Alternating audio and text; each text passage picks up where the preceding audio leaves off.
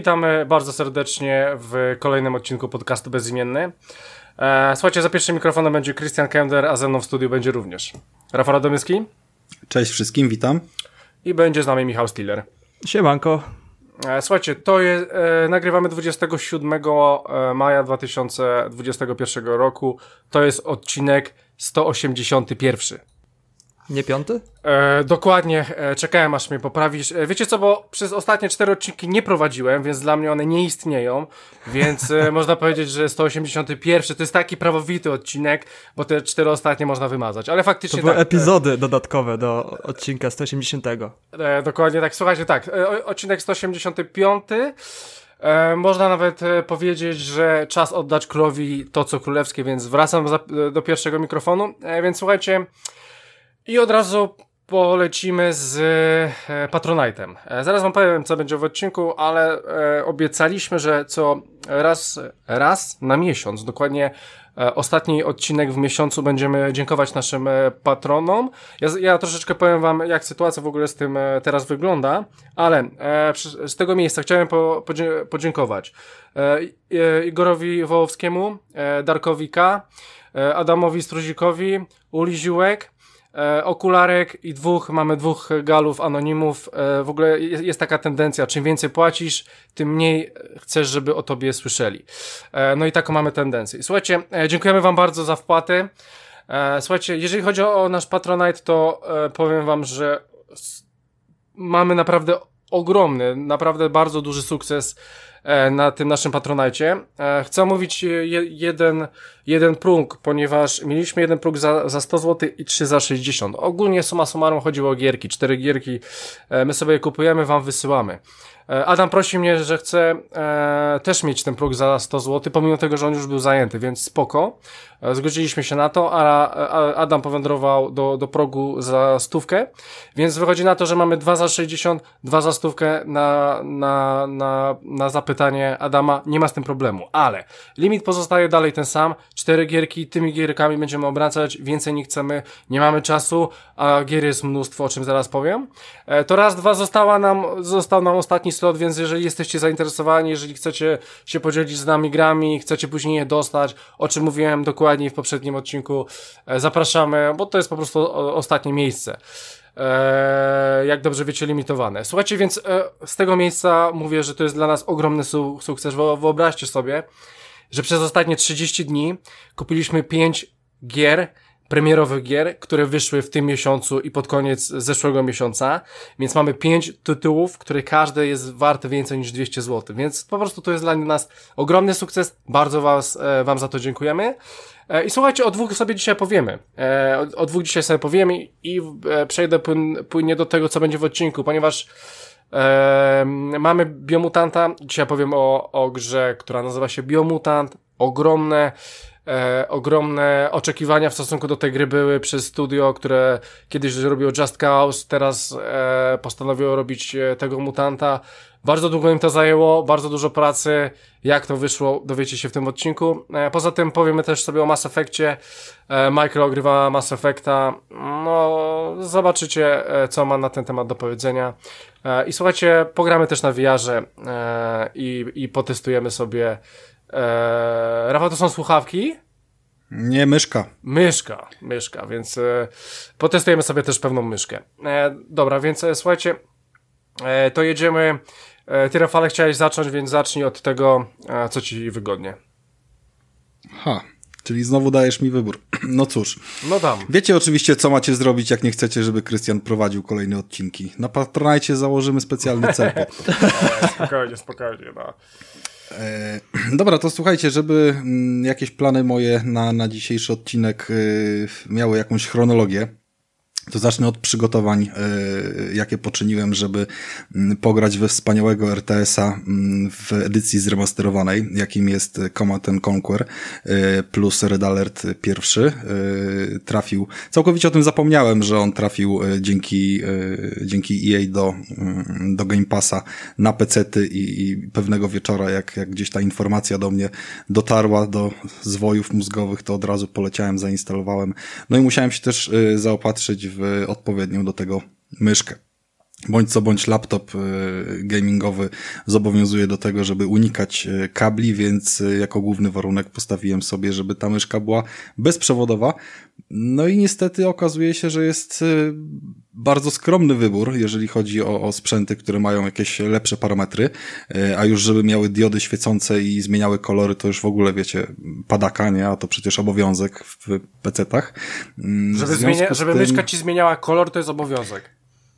No, słuchaj, jeżeli masz laptopa, który zmienia, wiesz, klawiaturę, kolory, no to myszka też musi zmieniać te to kolory. Ja, no przecież to, to jest, ja wiem, wiesz... To ja wiem, czemu wy się tak wszyscy jaracie tymi padami od, od PlayStation, bo one zmieniają kolor, dlatego mają, mają tą LED z przodu i zmienia to kolor. O dziwo, o dziwo, nie można sobie tego zaprogramować, ale w każdym razie, mm, wracając do myszki, mm, popatrzyłem sobie trochę na, na to, co zaoferowały jakieś markety. Bardzo Logitech ma fajne mm, wystawki i mając, mając już kierownicę od Logitecha, jakoś tak się ciepło e, rozglądałem właśnie po ich stanowisku.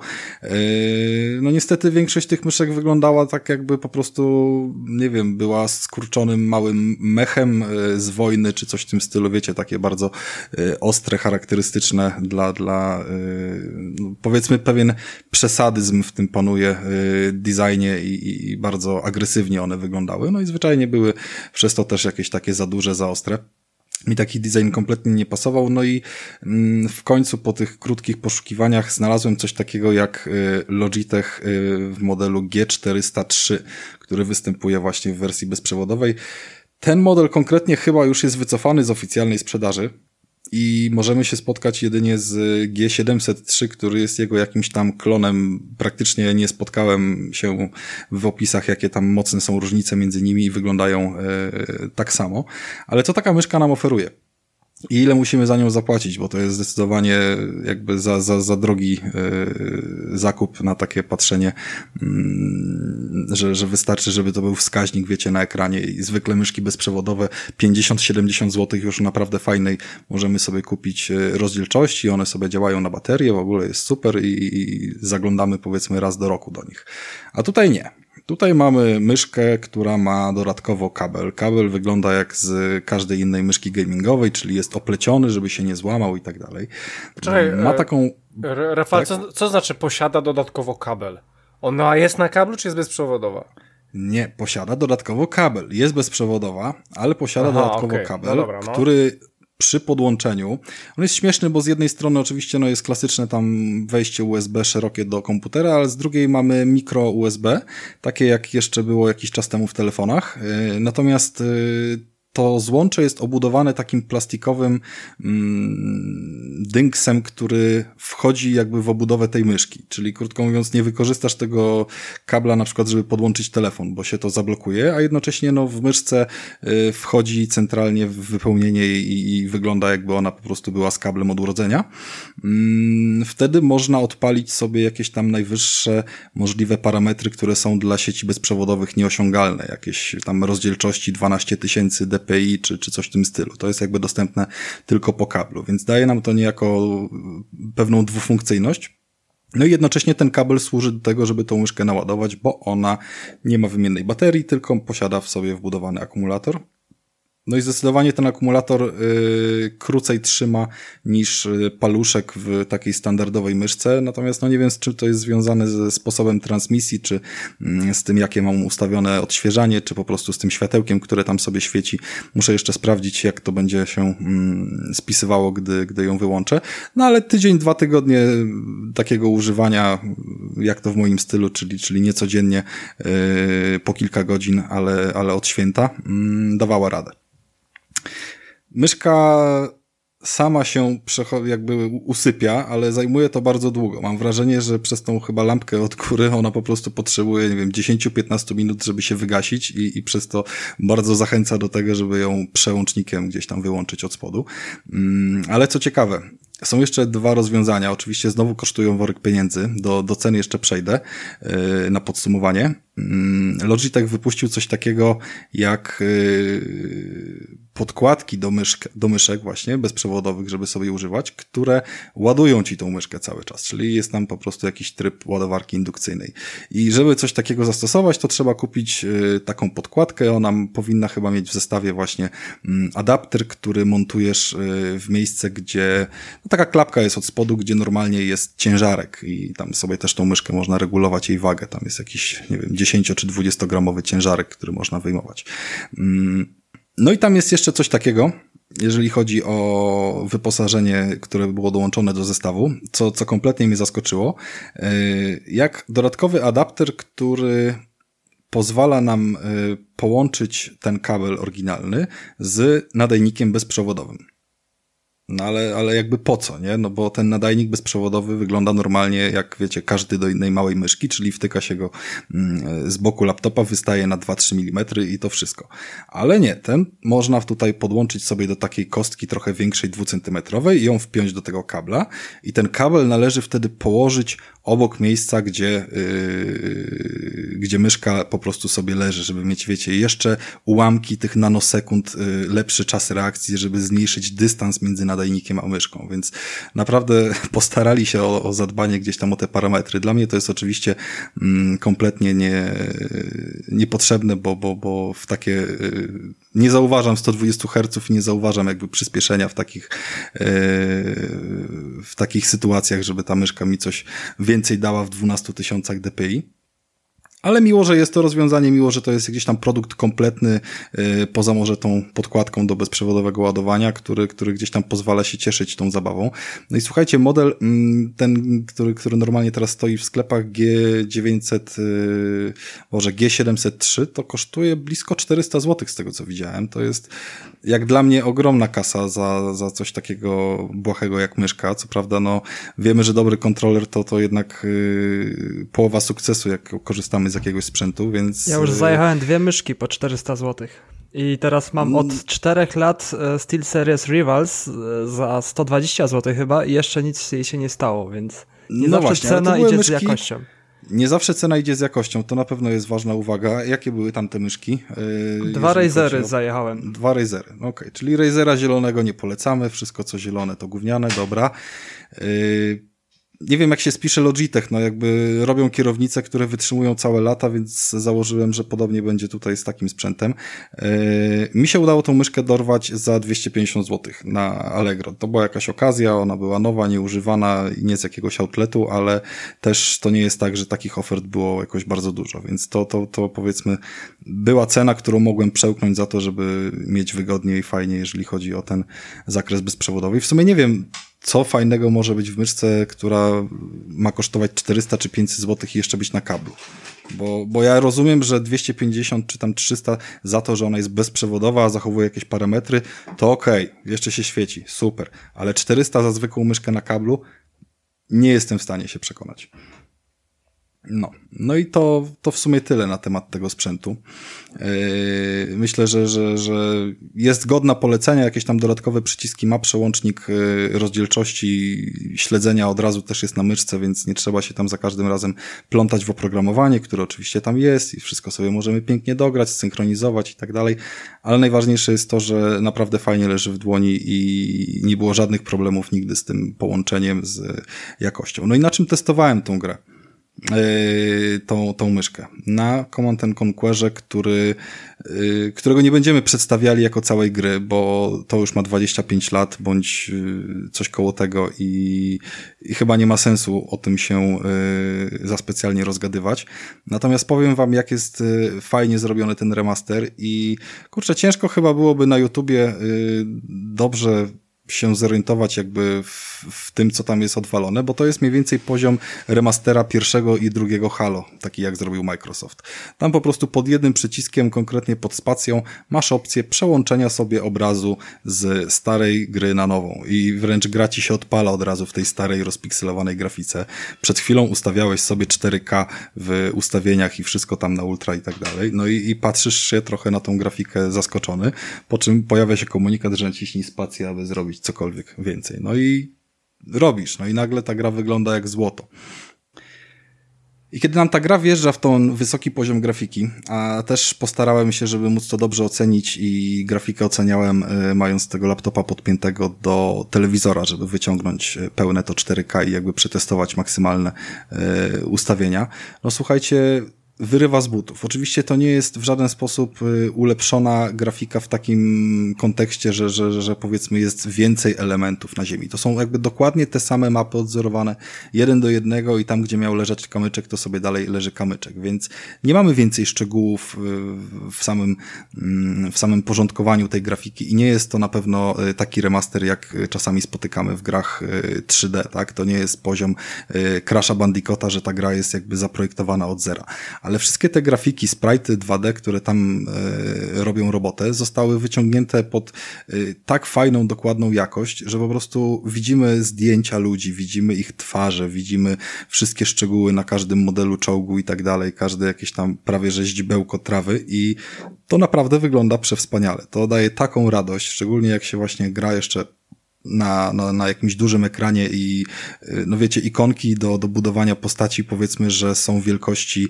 yy, jakbyś zdjęcie na Facebooku na telefonie oglądał, nie? I ono wygląda ostro, dokładnie tak jak ktoś by sobie zrobił, wiecie, selfiaka na, na Face'a I, i to jest na przykład nasz inżynier, którego budujemy, nie? Wrzucałem wam takie zdjęcia, więc yy, to powoduje, że naprawdę gra się bardzo przyjemnie, nie ma jakby żadnych problemów z jakością, płynnością, dźwiękami i tego typu rzeczami. Dźwięk tam też został w jakiś sposób zremasterowany, zremasterowany.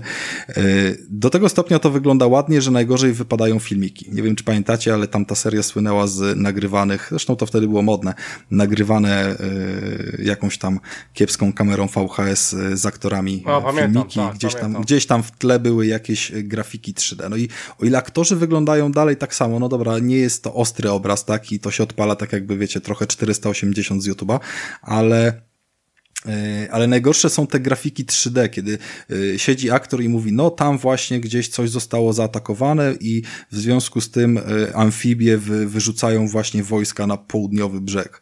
No i pokazują, jak te amfibie wyrzucają południowy brzeg i ta amfibie się składa, wiesz, z 12 poligonów, a czołg, który z niej wyjeżdża z 6. I to jest grafika wyrenderowana, wiesz, ich ogromnymi mocami, bo wtedy zwyczajnie grafiki 3D jeszcze no prawie, że nie było.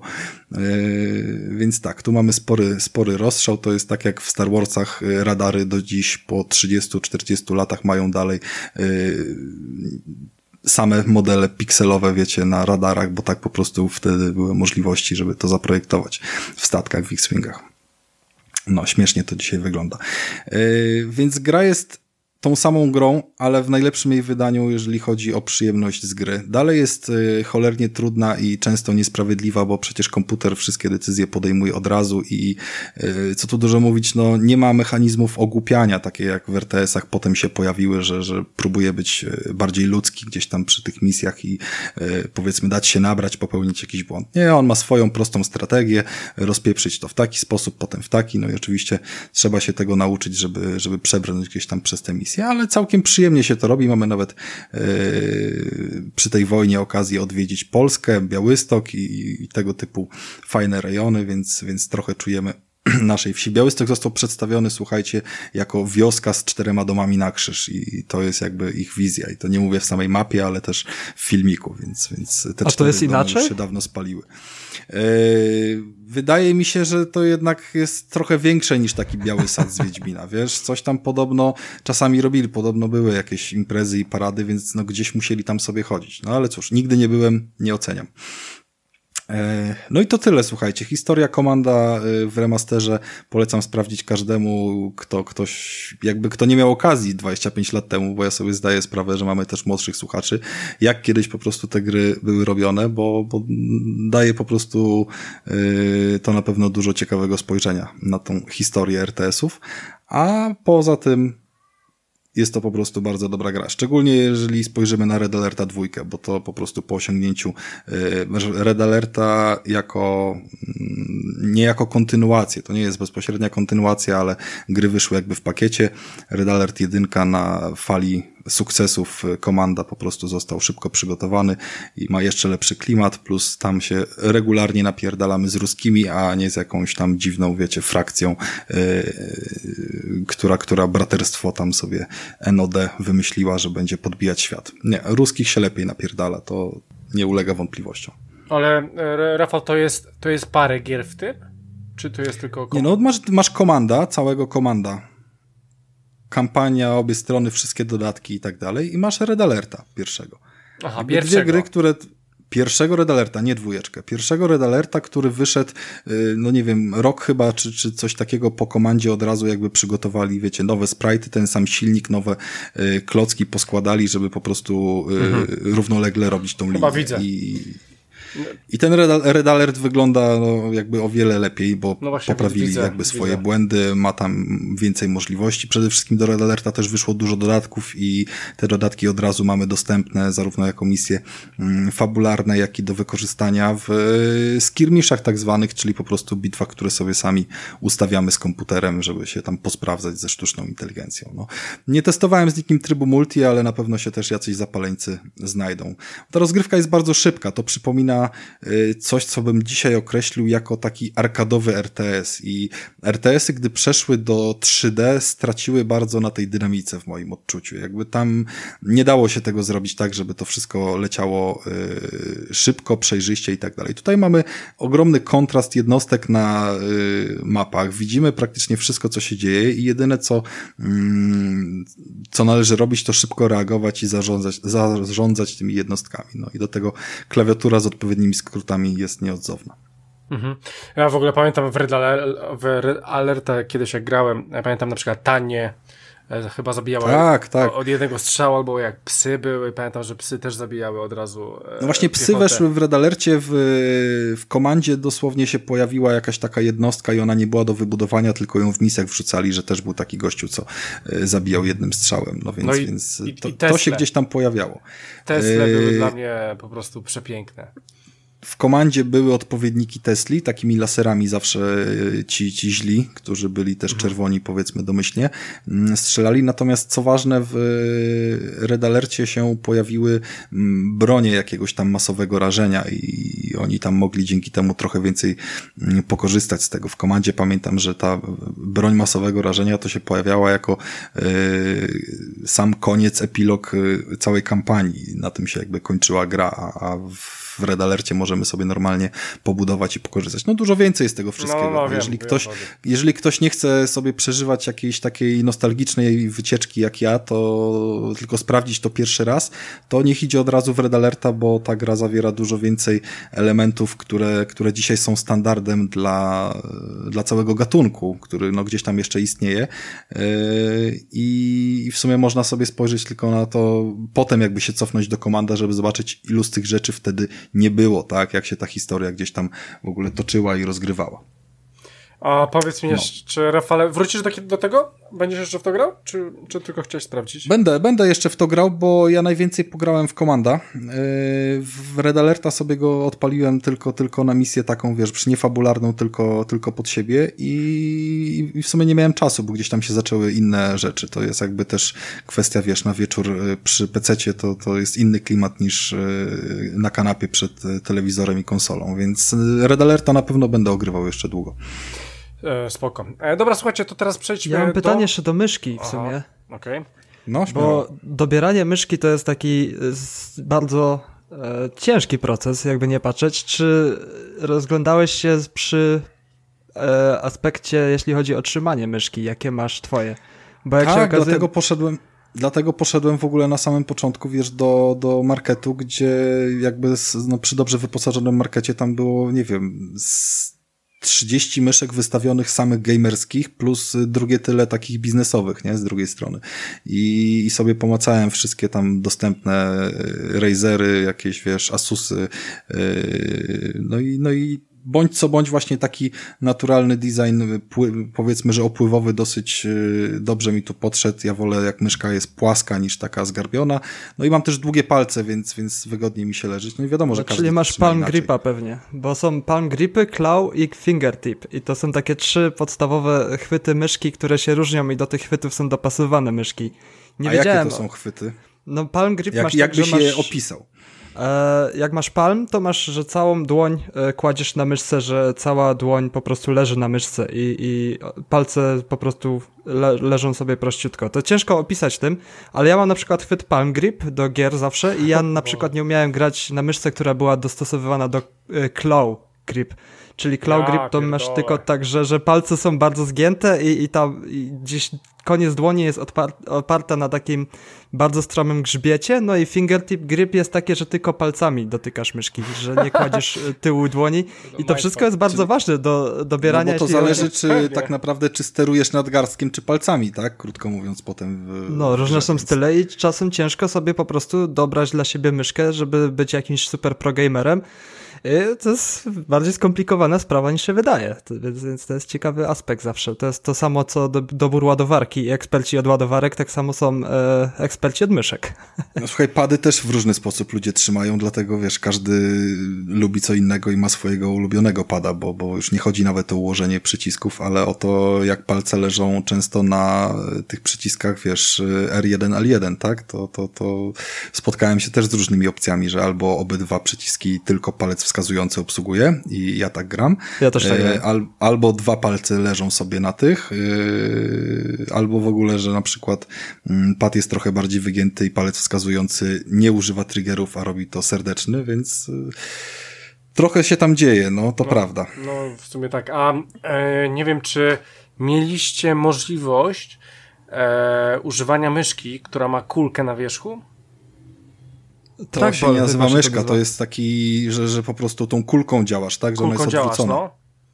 Trackball. Trackball. Y, Trackball. Nie miałem okazji i A... pewnie to jak wszystko wymaga przyzwyczajenia. Tak, ale powiem wam, że ja kiedyś miałem, bo mój kolega miał tylko taką myszkę i po prostu, no dobra, bawiłem się, się nią po prostu. Na początku po prostu był dramat, a później powiem wam, że było zajebiście. Po prostu to było, to, to było zajebiste doświadczenie. Później się zastanawiałem, czy samemu sobie e, nie kupić takiej myszki, bo to nie jest głupia sprawa. To, to naprawdę nie, nie była głupia sprawa, bardzo precyzyjna. E, no ale później jakoś z tego zrezygnowałem, ale, ale bardzo dobrze to wspominam. Śmieszną niszą są takie myszki, które służą, e, nie wiem czy one występują jakby w postaci gamerskich, ale na pewno do pracy biurowej, które mają swoją konstrukcję trochę tak, jakby obrócić ją na prawą stronę, na prawy bok. Żeby, I służą tak, tak. ku temu, żeby trzymać nadgarstek, nadgarstek y, tak. w sposób naturalny, taki dla, dla, dla ciała. Cieśni nadgarstka się jakby nie, y, nie, nie podkręcać jej potencjalnego wystąpienia i wtedy przyciski są tak jakby pionowo ustawione, ale od spodu normalnie jest czujnik cały laserowy. Więc... Tak, tak, tak, bo nadgarstki niestety padają w takiej pracy. E, tak niestety jest. Dobra, e, słuchajcie, przejdźmy dalej. E, teraz e, przejdźmy do mnie. Ja słuchajcie, byłem w czymś takim, co się nazywa kino. E, wiem, że wielu słuchaczy pewnie nie wie, co to jest. E, kiedyś, kiedyś tłumaczyłem. My też nie wiemy. tak, kiedyś... Za młodzi, żeby pamiętać. Za młodzi, żeby pamiętać. Dokładnie, słuchajcie, więc byłem w kinie, dokładnie byłem w kinie w zeszły weekend, w ostatni weekend, dokładnie parę dni temu. I słuchajcie, trafiło na film, który nazywa się Mortal Kombat. Eee, tam chyba było na grupie, że, że sporo osób już to oglądało, oczywiście oglądało. Wiemy, że w dosyć e, nielegalny sposób, bo tego w Polsce nie wyszło w Anglii. W Anglii też tego nie ma. E, a teraz jest w kinach. Teraz e, wpadł do kin i słuchajcie, oczywiście musiałem na to być. Zresztą nawet jakby było na HBO czy gdzieś, bo to wcześniej czy później pojawi się na HBO, to i tak, to jest akurat film, do który muszę iść e, do kina, no bo nostalgia, no bo to jest jednak bijatyka, na której się wychowałem, bo piękne chwile z nią, dwójka, trójka, trylogia, później te późniejsze części, teraz dziesiątka, jedenastka.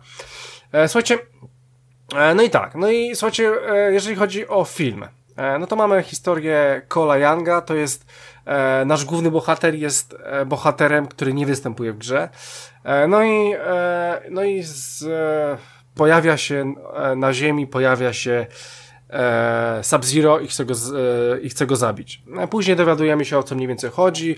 On e, dowiaduje się, e, Jax go tam e, ratuje, dowiaduje się, że musi iść do świątyni, tam musi ćwiczyć, bo jest synem e, tak na dobrą sprawę e, Skorpiona. To jest na początku filmu i po prostu z niego będzie wielki wojownik i tam w ogóle jest opcja, że muszą się przygotowywać, bo, e, bo zaraz ci źli wszystkich ich zaatakują w tej świątyni. Krystian, ale nie opowiadaj nam filmu, tylko no dobrze, powiedz, tylko, dobry. to, to tylko muszę, no bo to jest fabuła po prostu tego filmu, więc Fa oni... fabuła nigdy w Mortalu nie była ważna. ani w żadnej grze, Dobrze, ani okej. w no pierwszym dobra, filmie no i dobra, tak dalej. okej. To Dobra, nigdy więc, nie było ważne. Więc słuchajcie, tak. Jeżeli chodzi o Mortal Kombat, to dla mnie to jest bardzo dobra część. Jest świetna część wręcz. E, ponieważ wszystko to, co e, za co ja po prostu pokochałem tą serię, jest w tym filmie i jest w tym filmie naprawdę puszczone wielkie oko do gracza.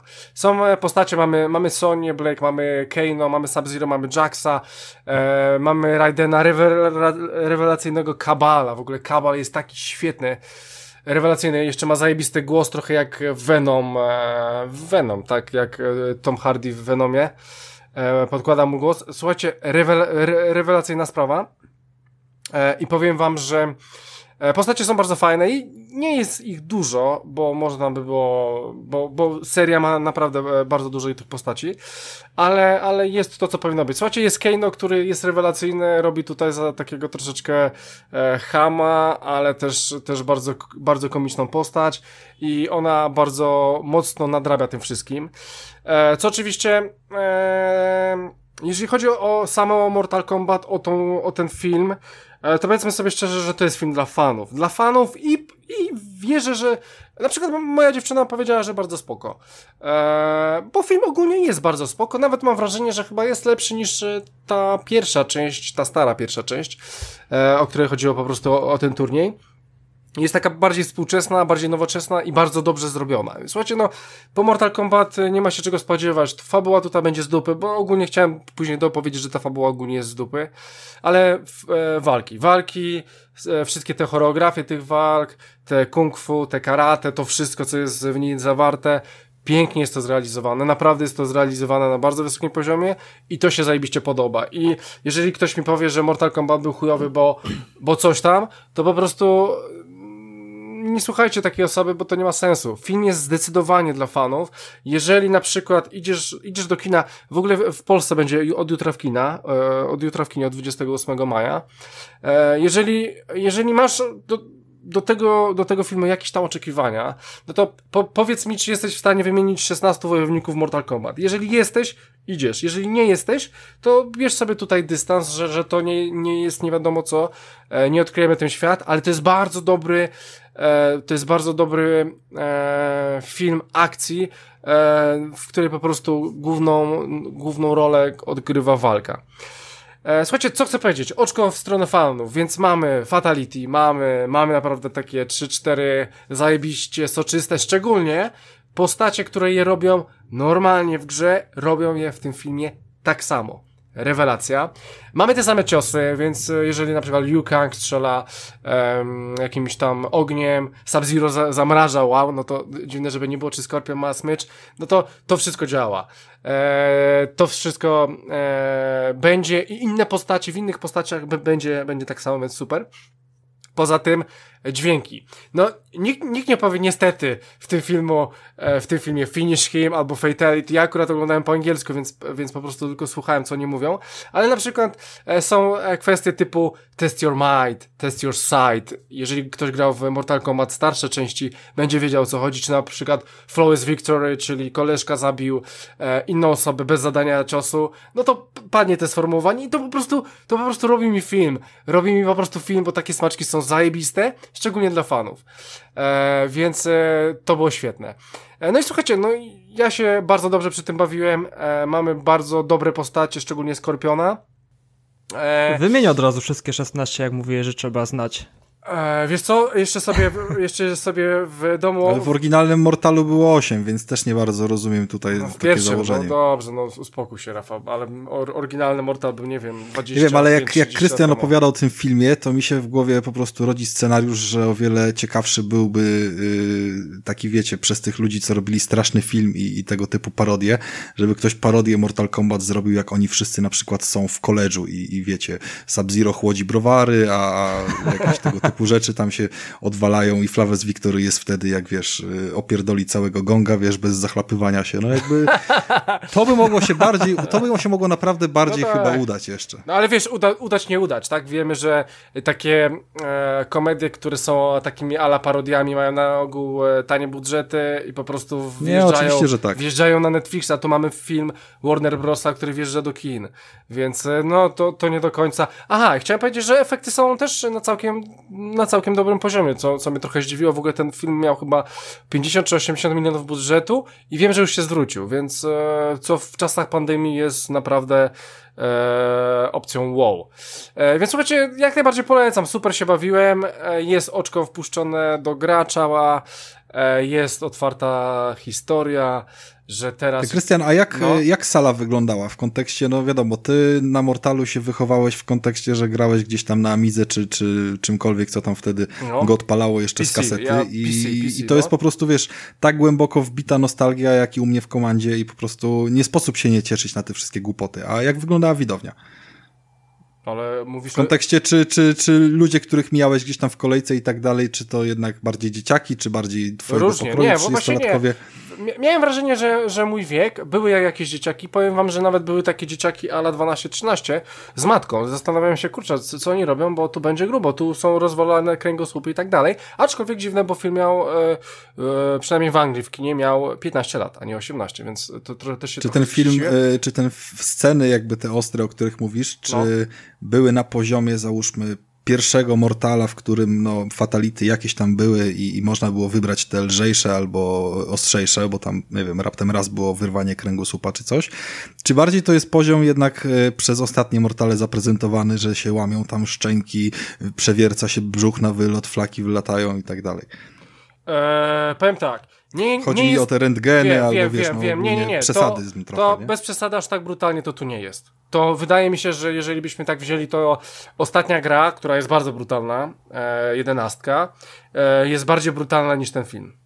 E, to tak. Oczywiście jest brutalny ten film, ale wydaje mi się, że gra, gra robi to mocniej, bardziej to wszystko eksponuje i bardziej to pokazuje. A tutaj tego dużo nie ma, no bo tych postaci jednak nie jest dużo w tym filmie e, i po prostu one między sobą walczą i nie wszystko kończy się fatalem, nie? Więc Czy żeby nie było, dla mnie to zaleta, bo, bo, bo jeżeli to jest Mortal gdzieś tam od zera pisany, to on się powinien odnosić do oryginału, a nie do jakiejś tam, wiesz, gdyby go robili na, na poczet jedenastki, to tam jakieś, wiesz, już biegają fabularnie zombiaki, jest 300 postaci, Kratosa jeszcze można spotkać i Robocopa, nie? No nie, be- bez przesady, tak, tak, tak, tak, to, to, to widziałem, ale akurat nie, e, tutaj, tutaj jest to wszystko zachowane, ja tylko powiem, że miałem wrażenie, że w ogóle tu jest dużo więcej odniesień niż e, w starym Mortal Kombat, w starym filmie. E, tak, ale faktem jest, że jest oczko puszczone e, do kontynuacji, e, zobaczymy jak będzie. A areny? O, o areny chciałem zapytać, No. bo chyba najbardziej pamiętną sceną z y, jedynki, mm, tego jakby oryginalnego Mortal Kombat tam z 90 bodajże 5 roku, y, czy 6 tego filmu, to no było, było próba y, znalezienia podobnych miejsc jak oryginalne areny. Ten las, w którym Jest, Skorpion to- walczył tak, pomiędzy to- drzewami. To powiem ci, że nie wiem, czy pamiętasz ten most z kolcami na dole. Tak, oczywiście. To jest tutaj coś takiego, e, jest ta scena, e, a tak poza tym jest tam, jest tam e, taka, mm, jakby to powiedzieć, e, jest tam ta szkoła, szkółka, w której oni tam niby się uczą, coś tam, coś tam. Nie wiem, czy tego w, w jakiejś części nie było, bo mam wrażenie, że ta sala, w której oni trenują, gdzieś była, ale, ale tu, tutaj do końca e, nie, nie jestem pewny. Więc jeżeli chodzi o miejscówki, to, to tak raczej to nie jest zachowane. Wiem, że jest jakiś port, e, być może port, ale też nie wiem, bo to jest, bo to jest tak jakby w domu, to też do końca... Czyli ten taki najbardziej charakterystyczny most. Most jest, tak. Te, ten most jest e, na dole z kolcami, aczkolwiek kończy się to inaczej niż myślałem. E, więc jest, mamy też Goro, e, jest Shang Tsung, są, są, są postacie po prostu, które powinny być. Raiden oczywiście jako ten mentor wielki i który mówi, że wydobędziesz swoją moc, jesteś zajebisty, bla bla bla bla. Więc ogólnie, no super, no słuchajcie, no Mortal Kombat super. Rafał, tak z tobą gadam, to już teraz bym sobie pograł w ogóle w niego. więc tak, jest, jest to dobra rzecz. E, I co chwilę wyobraź sobie jedną postać, Rafał, i ty wiesz, że ej, ale ona powinna inaczej wyglądać, bo w grze wygląda zupełnie inaczej, bo powinna mieć to, albo powinna mieć to i zobaczysz, że w filmie, o kurwa, i zrobili ją tak, że wygląda tak jak w filmie, bo coś jej się sta stanie. Więc cały czas masz taką opcję i cały czas jest w tym filmie i po prostu ja co chwilę tylko mówiłem do, do swojej dziewczyny, ej, ej, on powinien mieć to, on powinien być taki, on powinien być taki i za chwilę się to wszystko działo. Więc no po prostu piękna sprawa, piękna sprawa, szczególnie jak znacie wszystkie te postacie, a to są raczej znane postaci, e, większość z jedynki, Rafał. E, więc tak, słuchajcie, no poleca, polecam, idźcie do kina, weekend jest, e, weekend jest, e, idźcie, zobaczcie, kina chyba są otwarte w Polsce, skoro to ma mieć premierę jutro, więc e, idźcie, przejdźcie się, bo warto, e, a później pewnie na Cruelle będziemy szli, bo, bo to może być ciekawe. E, dobra, to tyle, słuchajcie, e, ko kończymy tym, kończymy tym i Michael, mów co tam w sumie chcesz. No, opowiem wam o roguelite, roguelite. Ostatnio Tomek e, upe, e, upomniał, żeby rozróżnić roguelike i roguelite, bo roguelite to jest seria gier, która przez umieranie mamy jakiś postęp w grze. I odkryłem sobie przy pomocy kumpla Isaaca, pozdrawiam, e, gierkę Fury Unleashed, która jest roguelike'iem, która jest gdzieś tam połączeniem Dead Cells, ro, roguelite'em, która jest tam połączeniem Dead Cells z które gdzieś tam wyciąga no, wszystkie znane cechy z roguelite'a, że przechodzimy sobie e, z poziomu na poziom, e, pokonujemy wrogów, zdobywamy tam standardowo e, czy to ulepszenia, czy jakieś offeringi sobie robimy, że po prostu zmniejsza nam życie, ale zdobywamy jakiegoś e, spoko buffa, czy, czy jakieś specjalne statystyki. Fury Unleashed jest to polska gra, e, która ma dobry potencjał, ale gdzieś czuć, że, że brakuje jej budżetu i trochę cena ją przerasta jak na, jak na to, co dostajemy, bo gierkę sobie kupiłem w promocji za 9,99 euro, czyli to jest taka, mi się wydaje, że to powinna być standardowa cena, żeby, żeby 10 euro, te 40 zł, czy tam, ja nie wiem, jaki jakiś Steam ma przelicznik. Powiedzmy, że 40 zł to jest taka idealna cena z, za ten tytuł, a bez promocji chyba kosztuje 20 euro, czyli 80 zł. No, to może być trochę zaporowe, bo e, gierka jest trochę jakby bardziej komórkowa niż, niż e, pełny tytuł na PC i, i na konsole. E, gierka wyszła na, na PC i, i na właśnie Nintendo Switcha. Mm, i fajne w niej jest to, że różne roguelite, roguelike'i się charakteryzują się, że wskakujemy sobie w różne światy. W Isaacu mamy e, tu właśnie piwnice, te, te lochy, które czyścimy. W Dead Cells mamy e, różne podziemia, e, kanały i, i wieże zegarowe i tak dalej, te, te wszystkie e, poziomy. E, w takim Hadesie mamy na przykład właśnie te, te z mitologii, te wszystkie tam e, podziemia i przechodzimy sobie przez to wszystko. A w Fury Unleashed mamy coś takiego jak strony w komiksie wcielamy się w postać w żołnierza, który ma za zadanie oczyścić właśnie strony w komiksie i, i, kiedy strona w komiksie zostaje oczyszczona, to logicznie możemy się domyślić, że czeka nas na końcu e, boss, którego przechodzimy i przenosimy się na kolejną stronę komiksu, więc sobie takim żołnierzykiem e, śmigamy e, w dosyć szybkim tempie po tym, po tym komiksie, po tych wszystkich klatkach komiksowych. W dosyć szybkim tempie, bo liczy się combo. To jest gra, która... Mm, nas, stawia nas, stawia na bardzo szybką dynamikę. E, bo nalicza nam się mnożnik combo przy, przy każdym zabójstwie i warto sobie utrzymywać mnożnik combo, bo zawsze e, mnożnik combo utrzymywany e, na wysokim poziomie daje nam jakieś spoko pomoc i, i daje nam większą liczbę punktów, które te punkty przekładają się mm, na rozwój naszej postaci. Czyli za każdym, za każdym, za każdą śmiercią, kiedy sobie zginiemy, to możemy sobie rozdać tam kile, ileś punktów i sobie udoskonalić naszą postać poprzez rozwój perków. Oczywiście, no, perki standardowo, czyli, czyli zwiększenie sobie życia, e, zwiększenie ilości granatów, czy odblokowanie jakiejś broni, czy, czy redukcja, czy prędkość, to standardowy rozwój postaci. No i przemierzamy sobie przez te, e, przez te mm, strony komiksowe, zbieramy sobie różne bronie, które gdzieś tam są e, rozsypywane po, po, po, po poziomach i zbieramy sobie też e, broń do walki wręcz, czyli strzelamy sobie i sobie bijemy z jakiegoś miecza, no i zbieramy te wszystkie perki. E, sterowanie jest trochę skomplikowane, bo Dead Cells słynie z tego, że jest dobre flow w tej grze i, i sterowanie jest odpicowane na, na, na ostatni guzik, że złoto. No i właśnie Fury Unleashed trochę, trochę gdzieś traci i, i fani, fani Dead Cells właśnie, jak ja bardzo lubiłem grać w Dead Cells, um, to jest takie zrobienie kroku w tył, jeśli o jakość grania chodzi, ale da się przyzwyczaić do, do sterowania, bo, bo trochę inne obłożenie przycisków, które jest dosyć, e, dosyć nietypowe, bo Dead Cells było grom, gdzie dało się, mówię cały czas o Dead Cells, bo to jest taki jedyny tytuł platformowy, który da się właśnie porównać, bo e, Isaac już się rządzi innymi prawami, czy Hades. E, Dead Cells miało obłożenie przycisków, które kapowało się od razu. Tu jest to, tu jest tamto, tu się robi to i to się wszystko za zapamiętywało. No a Fury Unleashed e, jest trochę skomplikowany i trzeba trochę przysiąść, żeby sobie e, na tyle wbić ten rodzaj sterowania, żeby po prostu z dobrym kombo przeskakiwać przez wszystkie poziomy i robić dobre kombosy. E, gierka polska kupiłem z racji tego, no okej, okay, kupiłem w promocji za 10 euro. Kupiłem w promocji, bo e, polskie produkty warto wspierać czasem i, i dobrze się bawiłem przy niej, ale e, trochę czuć, że brakuje budżetu, ale tytuł jak najbardziej warty sprawdzenia. Więcej chyba e, nie mam do opowiedzenia. To po, był taki powiedziałeś, szybki... E, Michael, powiedziałeś, że gierka polska czy po polsku? Polska, z polskiego studia, polskiej Aha. produkcji. Okej. Okay. Nie, powiem ci, że wygląda bardzo fajnie. E... No, wygląda bardzo fajnie, bo mamy takie poziomy e, bardzo z naturą związane i, i, te potworki sobie tam stoją i naprawdę dużo krwi się leje i czasem jest e, spoko rzeźnia, ciesząca oko na, na tych wszystkich kratkach komiksowych, więc, więc to, ale to wygląda bardzo komórkowo dla mnie. Mhm. E, ja tylko, tylko po prostu ja, ja nie lubię się spieszyć w grach.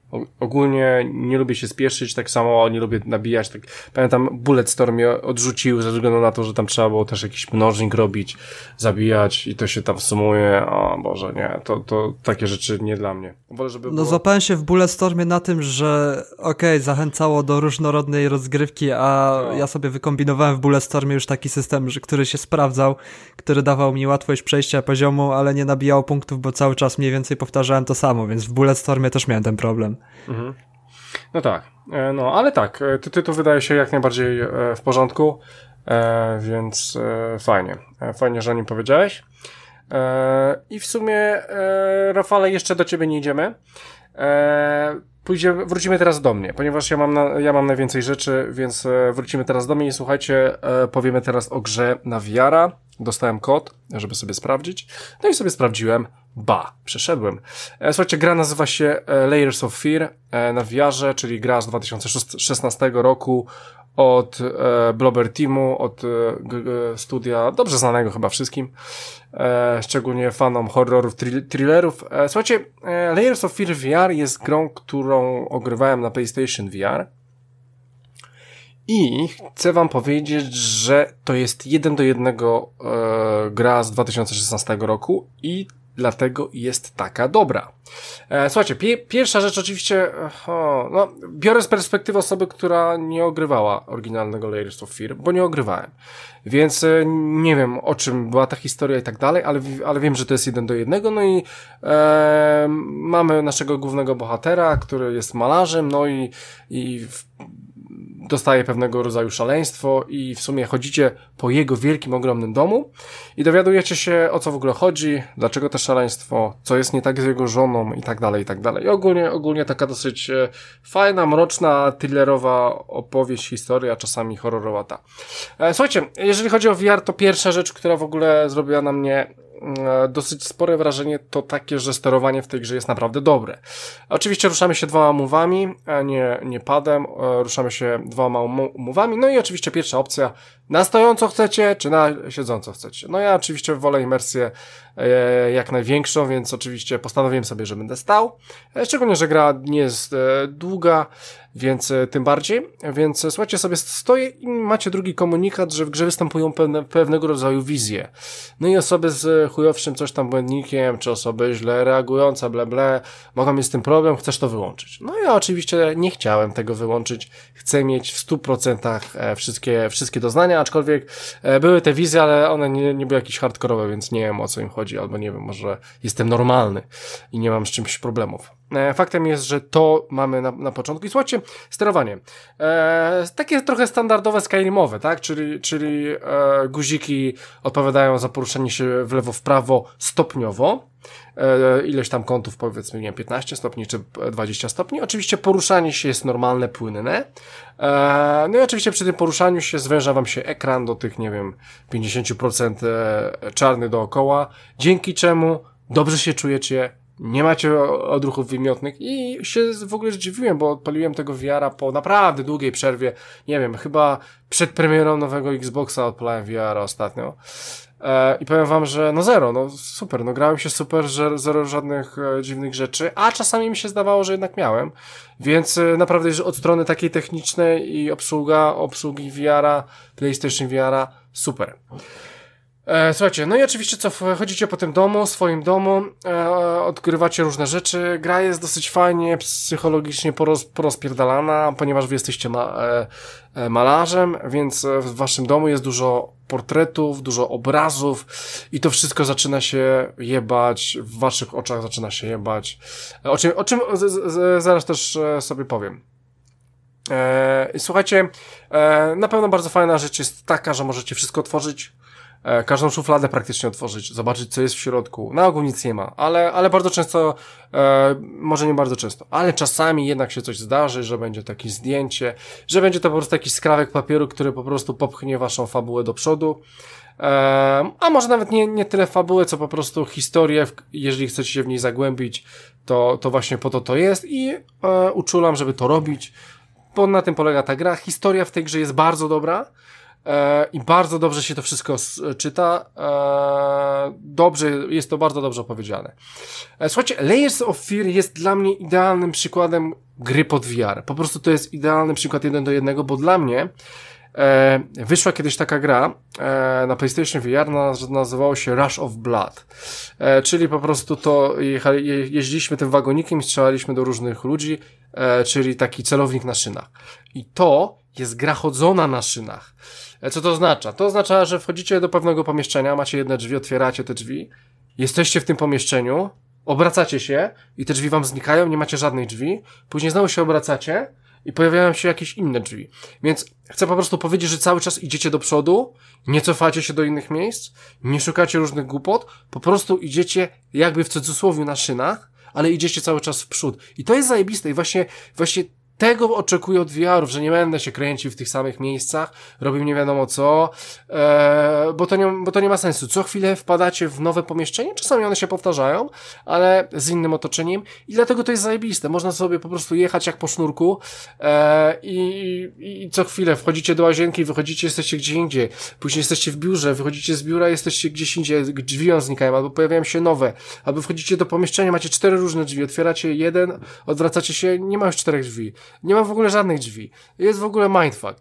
E, więc gra jest właśnie taka, nastawiona właśnie na to, żeby co chwilę się coś działo i nastawiona na to, gdzie się w, tym, w danym momencie patrzycie, bo bardzo często jest tak, że idziecie, e, co też jest bardzo dobre na VR-a. Idziecie prosto, skręcacie w lewo, e, później wy obracacie się w lewo, całą postać obracacie się w lewo, więc te lewo jest, macie prosto i nic się nie wydarzy do, do momentu, kiedy nie podejdziecie troszeczkę do przodu i wtedy coś się wydarzy, bo e, twórcy wiedzą, chociaż ta, tak było też w grze z 2016 roku, ale twórcy wiedzą, że jesteście, widzicie i wtedy mogą puszczać akcje. Puszczać coś, co się dzieje. Tutaj piłka gdzieś spadnie. Tu was ktoś przestraszy, tutaj ktoś do was podejdzie, tu się otworzą drzwi, e, tu jakaś lalka, e, nie wiem, będzie sobie jechała na rowerku, cokolwiek. Więc to jest też zajebiście zrobione, więc i- podchodziłem do tego Layers of Fear tak po prostu, no dostałem kod, sobie sprawdzę, ale powiem wam, że, że super, że super, dobra historia jest, w ogóle jest zajebiste zakończenie. E, te, te zakończenie trochę mnie tak rozjebało, ale, ale było świetne. E, I tak, i, i, i naprawdę to jest dobrze opowiedziana historia.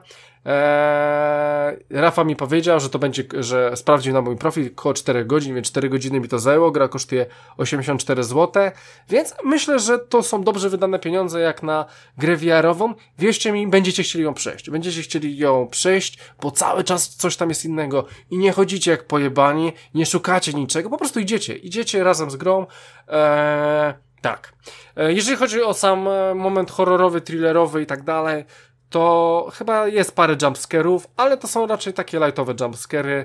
Eee, chciałbym nawet bardziej powiedzieć, że to jest taki poziom Blobber Teamu, czyli oni nie robią takich stricte horrorów, że masz, się, masz się przestraszyć tak, że w ogóle więcej tego nie odpalić, tylko po prostu masz się czuć niepewnie i czasami jakiś jumpscare się pojawi, co po prostu ja chyba Raz krzyknąłem bodajże, tak coś tam zamruczyłem, bo, bo wow, wow, że w ogóle bez przesady.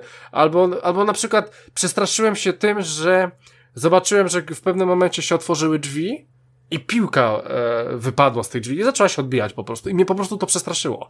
E, no ale wiadomo, VR mamy inną e, imersję i to troszeczkę inaczej działa, więc e, e Jestem naprawdę pozytywnie, e, pozytywnie, może nie tyle zaskoczony, ale co bardzo pozytywnie odbieram to, co mnie spotkało. E, wiem, że dwójka wyszła. Jestem ciekaw, czy dwójka kontynuuje to, co było w jedynce, chociaż to tak trochę by było dziwne, ale jest tam pewnego rodzaju furtka. E, co ciekawe, patrzę później po trofeach, to okazuje się, że ani nie, nie, nie odkryłem finału tej historii, ani nie zrobiłem jeszcze dwóch czy trzech takich mocno fabularnych rzeczy, więc nawet po przejściu można jeszcze raz próbować i zobaczyć, e, co tam się dzieje. E, chcę jeszcze powiedzieć, że są tam zagadki.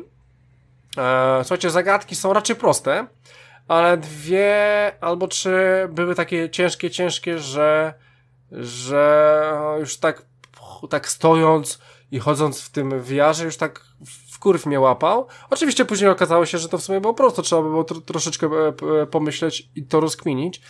Eee, więc po prostu coś takiego występuje, plus jeszcze powiem wam, że jest sporo nawiązań do PT, tak? PT, czyli z tego sławnego demo na PlayStation 4, w którym e, po prostu otwieracie drzwi, wchodzicie, przechodzicie całe pomieszczenie, otwieracie drzwi na końcu korytarza, okazuje się, że wracacie znowu do, znowu, znowu do tego samego długiego korytarza i robicie ten korytarz parę razy. Eee, I coś tam się zmienia, więc e, tego typu są rzeczy, albo po prostu coś musicie zmienić, żeby wam coś po, poruszyło, więc takie rzeczy też są. Eee, słuchajcie, bardzo dobry thrillero, thrillero, horror, polecam, kto ma VR-a, ja dawno na nim nie grałem, bo na nim nie ma w co grać, ale jednak fajnie, że coś takiego się pojawiło, było to dla mnie naprawdę super doświadczenie.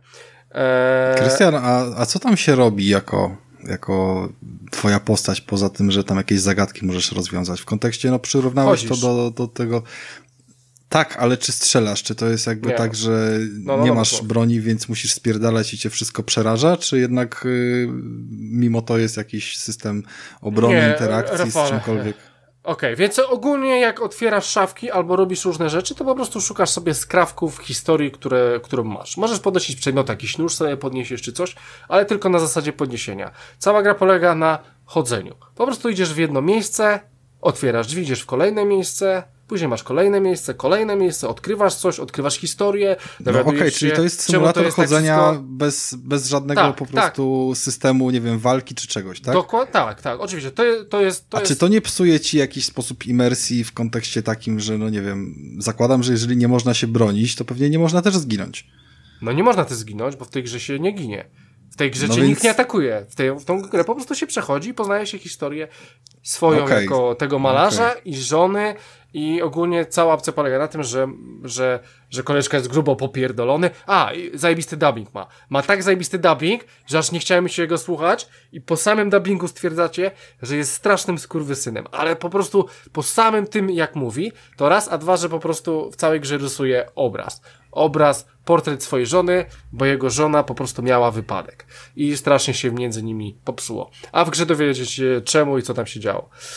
E, Rafał, coś jeszcze mówiłeś? Chciałeś coś? Nie, no właśnie tu rozwiałeś Ja, ja tylko, e, wiesz co, a w, ogóle- w ogóle chciałem jeszcze po, po, powiedzieć, że jako na taką grę VR-ową, a trochę tych gier VR-owych e, pograłem, było nawet sporo elementów e, otoczenia. E, zdziwiłem się, że na przykład w kuchni było, były, było bardzo dużo rzeczy w ogóle w kuchni, czy w łazience, czy w, różnych tego typu miejscach i po prostu zdziwiłem się, jak dużo tego tam e, wszystkiego było.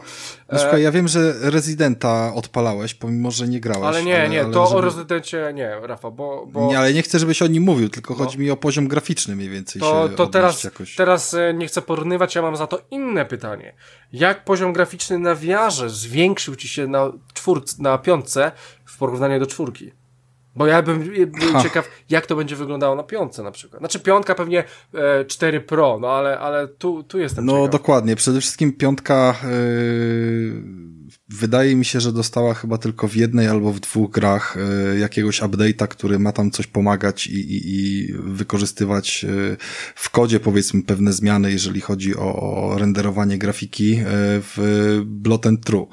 Mm, Nie odpaliłem jeszcze, żeby to sprawdzić, żeby tego, tego sprawdzić. Tam podobno mają się po prostu dzięki zapasu, yy, zapasowi mocy, jaki daje PS5, mm, generować jakby modele w yy, większej, yy, lepszej jakości, tak jakby po prostu, wiesz, zawsze byś patrzył na nie z bliska, bo wiadomo, że im bliżej stoisz czegoś, tym się powiedzmy lepszy wariant tego samego modelu renderuje. Ale nie, nie jestem w stanie ci tego sprawdzić. Jakby odpalałem te gogle, nie było na niczym konkretnym widać takiej zmiany. Ja nie wiem, czy, czy konkretnie pod, pod grami, które gdzieś tam na wiary wychodziły, yy, są jakieś istotne różnice w wersji zwykłej, na przykład A Pro, tak? Jakby w kontekście dużych tytułów, które pozwalają na przykład y, dzięki mocy ulepszonej konsoli mm, zdecydować się, że chcemy lepszą rozdzielczość albo, albo jakiś y, wyższy klatkarz, tak, no to, to okej, to zawsze to było wyraźnie mm, widoczne i mnóstwo tytułów jakby ten przeskok, y, nawet teraz ogrywając go we wstecznej kompatybilności, zauważyć. Na VR-ze niespecjalnie. Wydaje mi się, że te gry po prostu powychodziły w bardzo dużym stopniu, wiesz, na fali gdzieś tam premiery nowego sprzętu i wtedy tych gier y, wyszło najwięcej, 17-18 rok. Potem się to trochę zwolniło i są to te same gry, które wychodzą na, y, na pecety. No ale wiesz, VR mamy powiedzmy 10 milionów sprzedanego. Y, Nie wiem ile osób, które ma VR kupiło też PS5. No jakby Sony pewnie wie i wydaje mi się, że, że, że każdy już woli pracować nad nową grą niż tutaj jakieś tam odpalać patche, bo nawet mamy problem z odblokowywaniem pewnych rzeczy, jeżeli chodzi o duże gry, tak? No pół roku czekaliśmy na patcha do The Last of Us, który odblokuje 60 klatek chociażby i niewiele krócej na God of War'a. Więc y, ja nie zauważyłem jakiegoś skoku jakości na żadnej z gier, które posiadam, jeżeli już coś odpalałem. E, tak, to właśnie, to, to chciałem, e, gra, gra też dosyć jest ciekawa pod tym względem, że e, bardzo was ogranicza wam widzenie, e, przez co czasami, może, może nie w całym pokoju, ale na przykład w jakimś większym korytarzu, to tam gdzieś dalej będzie, będzie ciemno. E, co oczywiście w grze, w horrorze w ogóle to nie przeszkadza i w sumie da, daje klimat. E, więc e, słuchajcie, jak najbardziej polecam. Na, naprawdę chcę już to kończyć. E, ten Layers of Fear jak najbardziej polecam. Fajny tytuł, fajny horror. No i mówię, no ja ch- chętnie bym sobie dwójkę spróbował. Spróbowałbym sobie też na wiarze. Jestem ciekaw, czy coś tam się mechanika nie zmienia w tym. Mm, no i super. I tyle. E, to Tylko, że Rafał- chyba nie ma, nie ma za specjalnie powtarzalności, co? Jeżeli nie ma mechaniki jakiejś strzelania, bo mm, to demko y, Russian of Blood to jest jakby spin-off od e, od tego, tego Until horroru, co tam sobie Until Dawn e, odpalili, więc to też jest ekskluzyw. E, I no tam jakby nie patrzeć się strzelasz. Każdy z rozdziałów możesz sobie odpalać, który miałeś ulubiony, wymieniać bronie na różne sposoby, gdzieś tam je przechodzić i, i powiedzmy, że element tej strzelnicy daje jakąś tam frajdę, żeby nie wywalać tego z dysku. A tutaj po tej całej historii ewentualnie odnalezienie dodatkowych znajdziek, żeby poznać jej resztę i, i koniec, nie? Już Znaczy, jakby do tej gry chyba nigdy nie Jakiś- wrócisz. po- Ja nie, ja, ja nie odblokowałem tego finału, tak? Bo Nie, no tak, ale chodzi jest- mi o to, to że jest- nawet przejdziesz jest- drugi raz, będziesz leciał szybciej, więc y, jeszcze dwie godziny zagrasz i, i będziesz miał całość, powiedzmy, zaliczone 6 godzin. No może Nie tak. ma po co no, wrócić, okej. nie? No nie, no nie, no raczej nie, ale to Rafale, wydaje mi się, że większość wiarowych gier nie ma po co wrócić. Eee, tam jest po prostu jakaś tam opcja, że coś robisz i na ogół ci się to nie uda, więc chyba trzeba coś porozkminiać, żeby ci się to udało, ci co grali będą wiedzieli o co chodzi e, i tak mi się wydaje, że ten finał na tym polega. E, ale, ale no tak jest w tych historiach. Te, w wiarowych rzeczach na ogół też pamiętam, jak coś przechodziłem, to już raczej do tego nie wracałem. Na ogół w grach. Znaczy to zależy, czy to jest kwestia rozkminki jakichś tam mechanizmów i wiadomo, że drugi raz już y, cię to nie zaskoczy. No, tak no. jak mamy te, ten, ten tytuł No z tak, z zagadkami, co udajesz Jamesa Bonda zamkniętego gdzieś No, tam, wiesz, w pułapce. rację, tak. To, to, to tak samo jakby już y, kolejny raz go odpalisz tylko dla znajomych co najwyżej, tak? No E, i dlatego fajnie, że gdzieś tam dokładnie. kontynuacja się robi. No dobra, to jaka cena jest, żeby się za tym rozglądać, kiedy będzie na promocji? Za ile brać? Eee, Bo teraz to kosztuje ja bym, więcej. O, o, wiem. Przy pierwszej jakiejkolwiek obniżce tej gry bym brał. O, w ten sposób. Jakiejkolwiek. I- e, jakiejkolwiek. Ponieważ wiemy, że e, przede wszystkim gry VR-owe na ogół są krótkie. E, no i z tą ceną jest różnie, tak? Wiem, że 84 zł to kosztuje przy czymś, e, jakimś spadku około 60. W sumie mo, mo, można pyknąć. To, to jest VR-owa sprawa. E, ale naprawdę bardzo, do, bardzo dobra, bardzo dobrze zrobiona, bo po prostu ja dawno nie grałem na, na w tego typu rzeczy. Niedługo e, chcę siąść do Rezydenta 7. Może nie tak niedługo, ale na pewno kolejną moją VR-ową grą e, będzie Resident Evil 7, więc będę miał jakieś tam porównanie. E, no ale to już jest grubsza zabawa. Chociaż też nie, nie wiem, czy tyle wytrzymam, bo, bo Resident Evil jest dużą grą i tam jednak strzelasz, tam jednak uciekasz, tam jednak chodzisz. A tu po prostu. No ale to sobie- jest do ogarnięcia w 10 godzin, więc... no tak, ale, wy- ale chodzi o to, że wiesz, tutaj wku... wiesz, przede wszystkim czy sterowanie mnie nie będzie wkurwiało, tak? Czy to No wszystko tak. będzie płynnie zrobione, czy to wszystko, czy w tym wszystkim będzie się dobrze poruszało, bo tutaj, tutaj nie masz z tym problemu, Rafale, bo po prostu sobie chodzisz, zwiedzasz sobie świat, chodzisz sobie dalej, otwierasz sobie drzwi, o kurwa, już nie możesz wrócić, ale idziesz sobie dalej i to jest spoko, super Ja sobie to chyba też tego rezydenta odpalę, żeby się z tobą trochę podyskutować o tym, jak on jak No, on no, w ale to spokojnie, to, to, jak, to jak do niego dojdę, nie? E, No, ale tak, e, więc mówię, przy, przy około 60 spokojnie już możecie sobie wziąć, e, poznać sobie tą historię, e, bo jest naprawdę ciekawa, bo jest naprawdę ciekawa, no i myślę, myślę, że trzeba stać, przy takich grach trzeba stać. Ja sobie nie wyobrażam grając w tego typu grę siedząc, nawet jak można. No jak, siedzę na kanapie i obraz, obraz się do mnie zbliża, no jakim kurwa kutasem. Nie, nie ma opcji. Więc mm, tak, to tyle. E, Rafale, teraz ty. Teraz masz- ja z czym? No, ty miałeś e, z lasem? Wchodzisz do lasu, czy nie? Z lasem? Dobra, no to do lasu wejdę, jak prosisz ładnie. nie E, proszę, słuchajcie, czym- się, no. Czym jest las? Y, Słuchajcie, The Forest, jaki tytuł nosi oficjalnie ta gra, to jest, no może nie horror, aczkolwiek ma tam jakieś jego, jego znamiona. Y, W sumie pewnie gdybym grał sam, to bym go traktował o wiele bardziej jako y, horror, ale to jest y, przede wszystkim mm, gra o przetrwanie, gdzie mm, startujemy z, z rozbitego samolotu i od razu zaczynamy uzupełniać nasz ekwipunek o jakieś rzeczy, które mogą nam się potem przydać, żeby przeżyć. No bo oczywiście jak wyjdziemy z tego samolotu i zaczniemy się kręcić dookoła, nie wiedząc co zrobić, to bardzo szybko gra nam uświadomi, że ciemna noc nie jest jedynym zagrożeniem, które na nas czyha. Y, Otóż na wyspie, na której się rozbijamy, mieszkają kanibale. I te kanibale są takimi stworkami, które są całkiem ciekawie zaprojektowane. E, Dosyć realnie. Przede wszystkim biegają nago, e, są bardzo często poranieni, jacyś tam zakrwawieni i w ogóle wyglądają trochę creepy.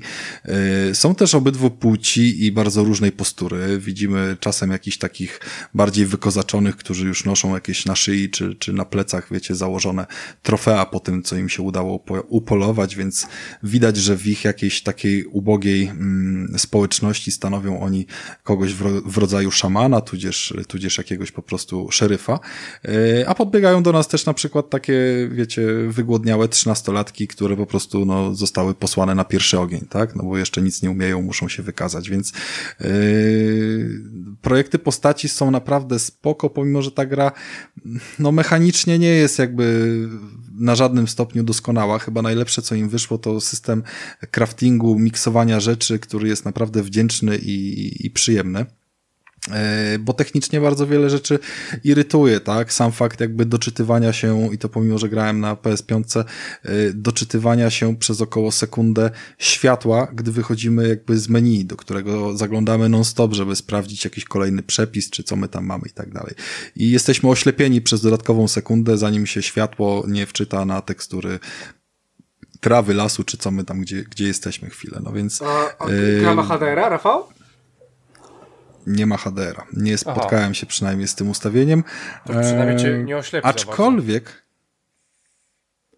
Wiesz co, w ogóle kwestia światła w tym lesie jest bardzo fajna, no bo oczywiście mm, walka o przetrwanie to podstawową rzeczą jest tutaj sprowadzenie y, dosyć jasnego trybu dnia i nocy. Wręcz savey rozpoznajemy sobie po tym, ile dni przetrwaliśmy, ile nam się udało i, i, z którego dnia jest y, dany save, więc mamy pełny cykl dnia i nocy, jakiś tam sobie przyspieszony zegar w grze leci i słoneczko oczywiście też zapierdala dookoła y, tej wyspy, y, wielokrotnie dając naprawdę bardzo fajne ujęcia, kiedy przez ten mm, tytułowy las zaczynają nam te promienie na przykład wpadać albo przez okno. I no może nie jest to żaden poziom, wiecie, ray tracingu napakowanego HDR-em, ale naprawdę cieszy oko i i mm, co więcej, co jest dobrze zrobione, to są dobrze zrobione y, cienie. Tylko nie chodzi mi o te cienie, które widzimy pod nogami postaci, że, że ona biegnie i po prostu rzuca cień. To, to jest akurat najmniej ważne i nawet nie zwróciłem uwagi na to, czy te cienie tam są.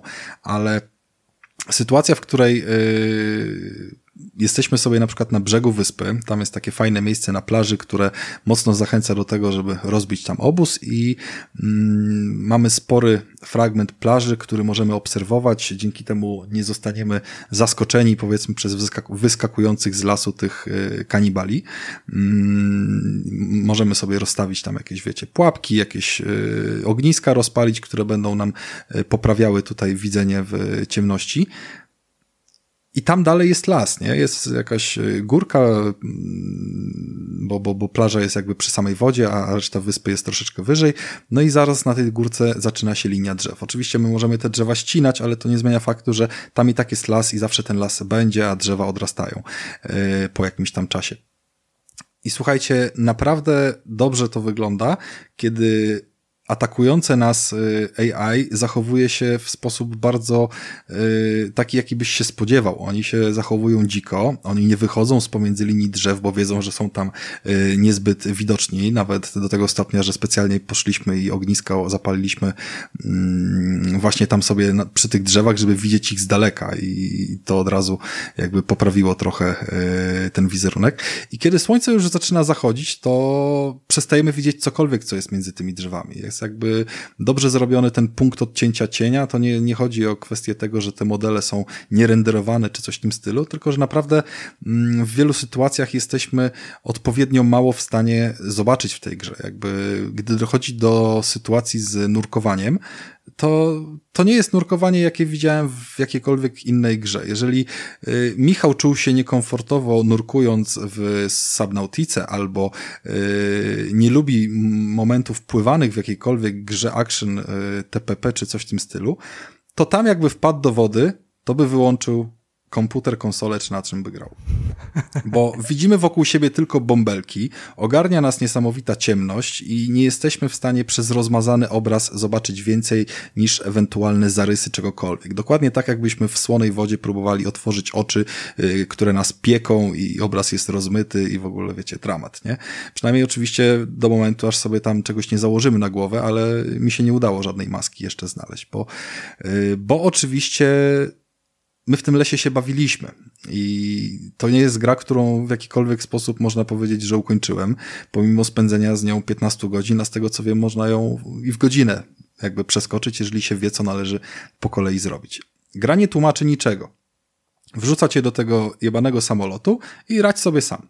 Jakby zginiesz zaraz od razu na początku, pierwsza godzina gry, to każdy wyszedł, y, zaczął zbierać y, chrusty i jakieś tam walizki wyrzucone z tego samolotu, żeby mm, uzupełnić sobie ekwipunek, po czym przychodzili kanibale i się nim karmili, albo na miejscu, albo zaciągali go do jaskini i tak się kończyło pierwsze podejście z przygodą.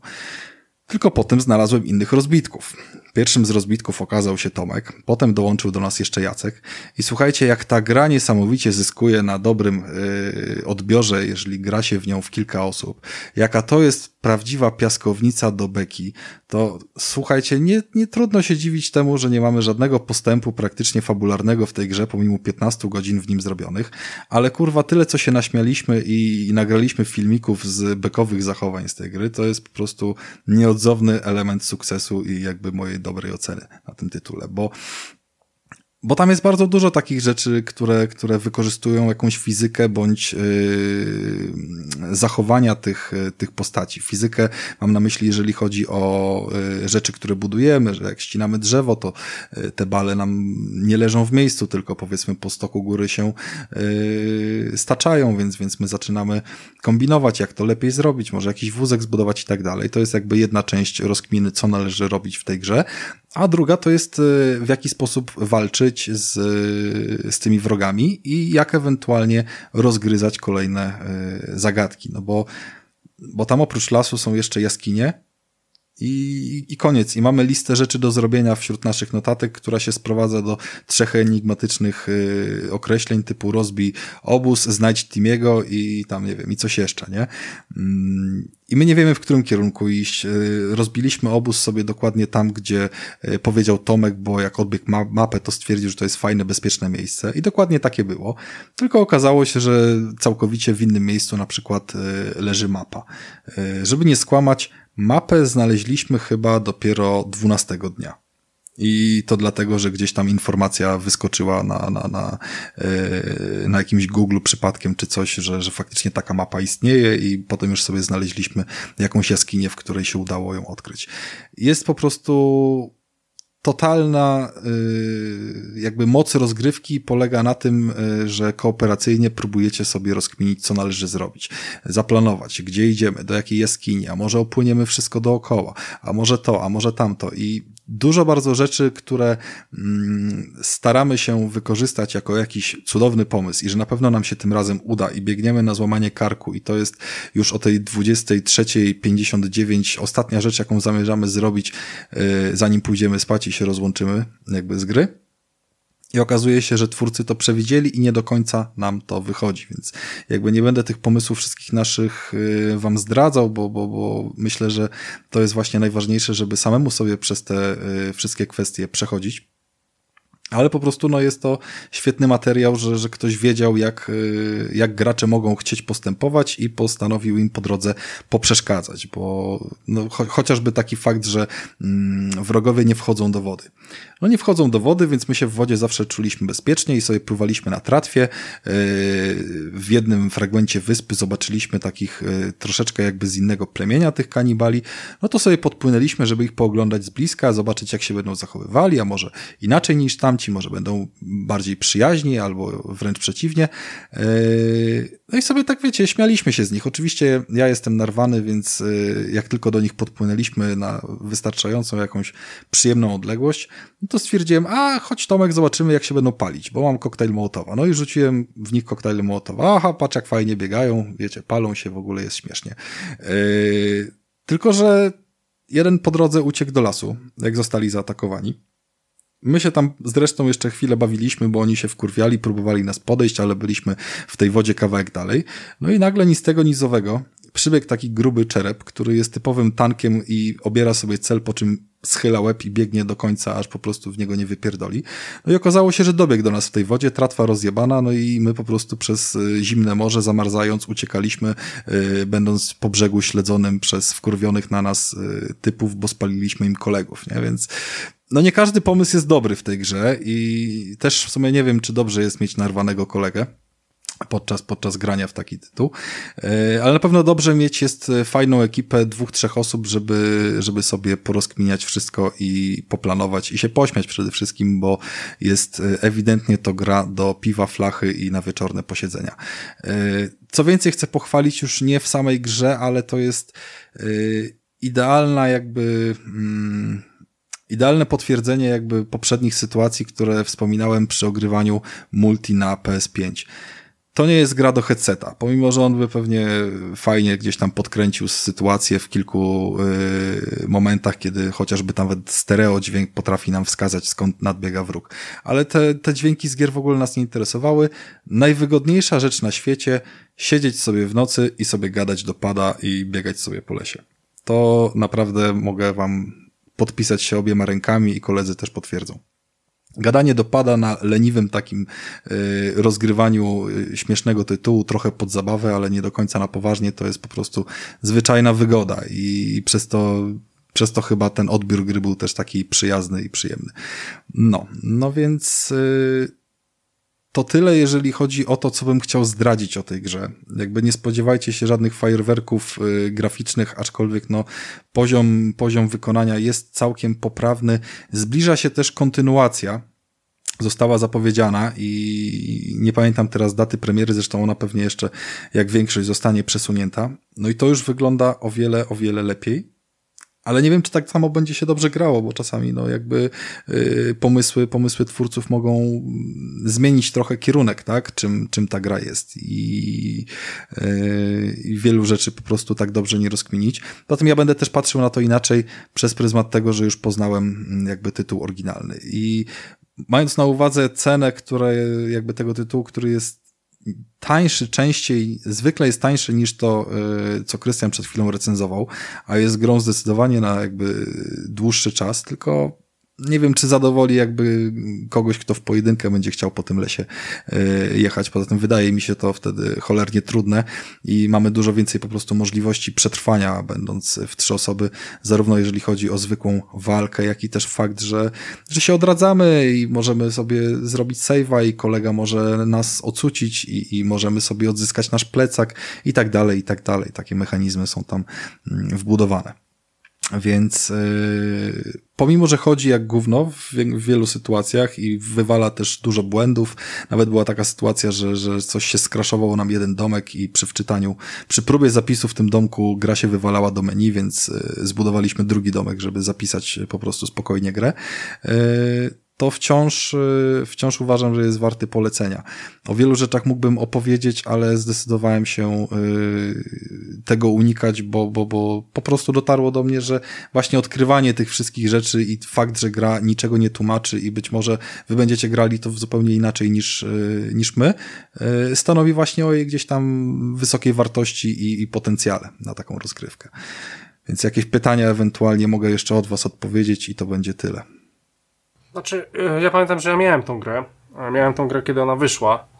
E, I zagrałem w nią 5 minut. Chyba mnie jakieś wilki goniły. I to było zima. Wiem, że to chyba to była zimna sprawa. I zrezygnowałem z tego. Więc to nie była ta gra, bo ani wilków, ani zimy w niej nie było, no ale kontynuuj. ale nazywała się The Forest, wydaje mi się. to był Skyrim. Nie, nie, chyba wiem co to było, coś innego. Ale to są e, gry, Spoko, które, ale, od których ale, łatwo ale się widać, odbić. że ta gra bez, bez ludzi nie istnieje, tak? A żeby zagrać z kimś, to, to, to no, trzeba mieć ekipę, tak, tak na dobrą sprawę, nie? Znaczy, inaczej, ja, ja nie lubię tego typu gier i na pewno jakby klimat tego, że miałbym się bać i sam walczyć o przetrwanie, by mnie zwyczajnie odrzucał, tak? Bo, bo, bo ja oczekuję jakby od gier relaksu i naprawdę muszę mieć mocne nastawienie na to, żeby grać w tytuł, który ma, ma za zadanie mnie obsrać i zwyczajnie najczęściej nie mam na to ochoty.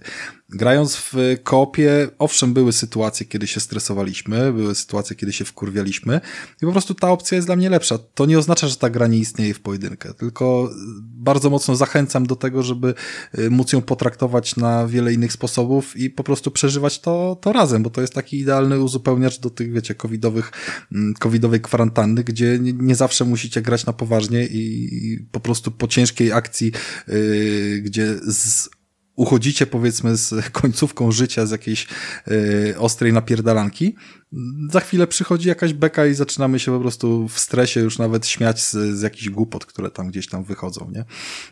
Poza tym oczywiście każda z tych rzeczy, y, które odkrywamy w grze, mm, zostaje przez nas nazwana, więc y, bo to nie chodzi o to, że wiecie, kijek jest kijek, tak? Oczywiście każdy kijek będzie kijkiem, ale już jakieś inne sprzęty, które zaczynamy budować, no to się zaczyna słowotwórstwo i każdy widzi w czymś coś innego, więc jakby ekwipunek jest podpisany po naszemu.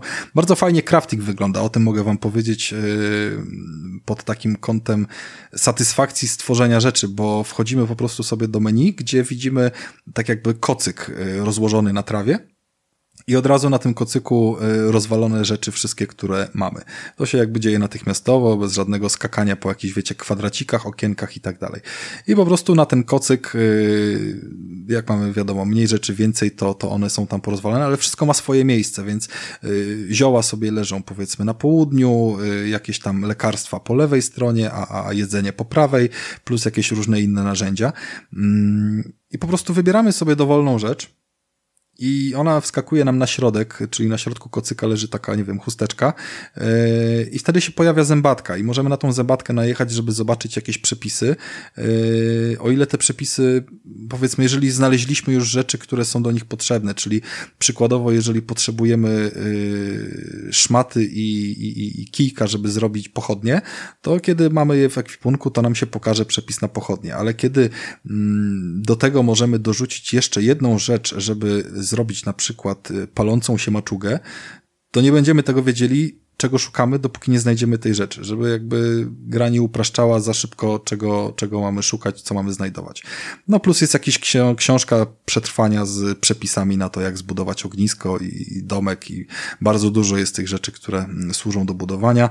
W żaden sposób nie tłumaczą na przykład, yy, mamy klatkę na królika i ona służy do złapania żywego królika, bo królika oczywiście możemy zajebać, podnieść, yy, zjeść jego mięso, zebrać skórę i jeszcze urwać głowę na trofeum. To wszystko oczywiście nie ma z tym najmniejszego problemu, tak jak każde inne zwierzę.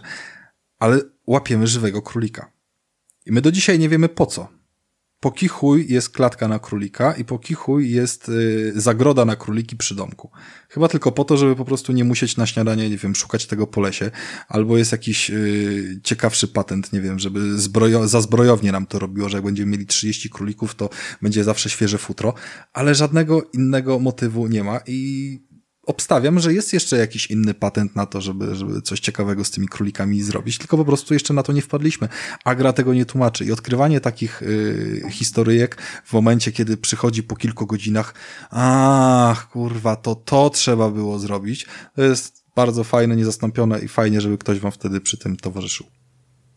Mhm. E, dobra, e, słuchajcie, myślę, że czas przejść dalej. E, las, las, las jest każdy wie, jaki jest las. Słuchajcie, ja mam pytanie do Michała. Michał, bo ja wiem, że ty za bardzo nie lubisz wody, ale mhm. powiedz mi, e, czy ty, czyli basenu też za bardzo nie lubisz? A zależy jaki. Jeśli chodzi o streamy, to jak najbardziej.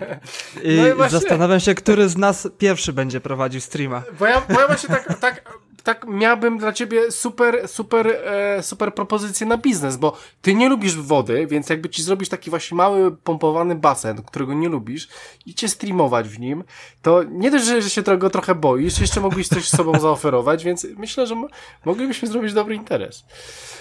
E... Czy są już baseny z Elgato i z tych wszystkich firm, co robią gadżety do streamów, że wiesz, e, z interakcją, że basen zaczyna świecić, jak ktoś wrzuci jakiś hajs Kurde, pomysł na biznes jest. No jest. Słuchajcie, dobra, więc chciałem się odnieść do tego, co o tym wszystkim myślicie, bo e, ja mam e, pewnego rodzaju swoje zdanie. E, dla mnie to jest takie... E, chodzi o to, że jeżeli, jeżeli zobaczycie na Twitchu, co jest tylko na Twitchu, to na Twitchu nie zawsze są gry. I, i od dłuższego czasu to są nie tylko gry. E, ja na przykład sobie widziałem kanały, w której ludzie zapadają jakąś e, densową muzykę, techno muzykę, po prostu robią imprezę i to jest całkiem niezłe. E, mimo tego, że Twitch raczej kojarzy się z grami. E, no i słuchajcie, wjeżdżają te baseny, te baseny już były wcześniej, e, bo to nie jest opcja, że to teraz wpadło. Po prostu teraz wpadło, że, że ktoś się oburzył i ma to swoją, ma to swoją kategorię. Ale ogólnie te streamy tego typu było dużo więcej. Ja nawet pamiętam na PlayStation kiedyś, też PlayStation miał jakiś swój kanał ze streamami, też ludzie wrzucali takie głupoty, że to szok, no ale to się oglądało. I teraz tak sobie pomyślałem, że e, dla mnie e, to, te, to, też, to też nie jest do końca, e, tak sobie pomyślałem, że nie do końca można cisnąć Twitcha. Oczywiście powinno się raczej, ale e, to coś nie może znaleźć swojego miejsca na ziemi, bo e, jeżeli są jakieś tam, e, powiedzmy, streamy e, różnych kobiet, czy różnego rodzaju rzeczy, to to już są grubsze sprawy. A to są to, co robią ci z basenami, to są soft, softowe rzeczy. Więc wydaje mi się, że Twitch jest dla nich idealną opcją, bo target jest świetny, bo to jest na młodzież powiedzmy trochę może też starsza, tak do 25 lat powiedzmy.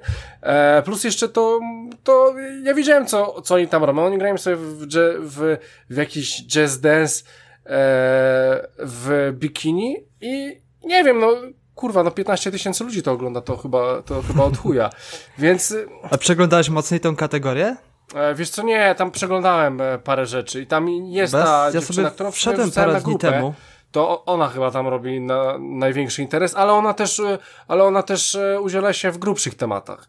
Nie tylko w, w tym, co, że se tańczy i se w bikini, tylko po prostu e, robi też e, grubszą opcję, więc Jasne, jak są tam gdzieś jakieś ex-gwiazdy porno, czy, czy próby promowania swojego OnlyFansa, żeby tam ludzie subskrybowali i dostali coś, coś gorętszego, to jest jak najbardziej op dobra opcja do reklamy na Twitchu. Tylko Twitch zawsze był tym y, taką mekką dla graczy, żeby sobie gdzieś tam w jakimś community u streamera, ja zawsze, od zawsze, odkąd pamiętam, odkąd Twitch istnieje, to siedzę na Twitchu i sobie obserwuję te wszystkie swoje ulubione kanały.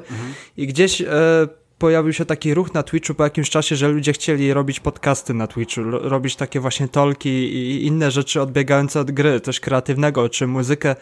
I te rzeczy powoli dostawały swoje miejsce na Twitchu i właśnie wyro wyrodziło się to, że te baseny weszły. No i to trochę zrobiło zamieszania na Twitchu, bo takie soft porno to raczej nie nadaje się do graczy, ale gracze po prostu no, są dobrym targetem. Twitch jest dobrym targetem, żeby sobie takie live streamy porobić.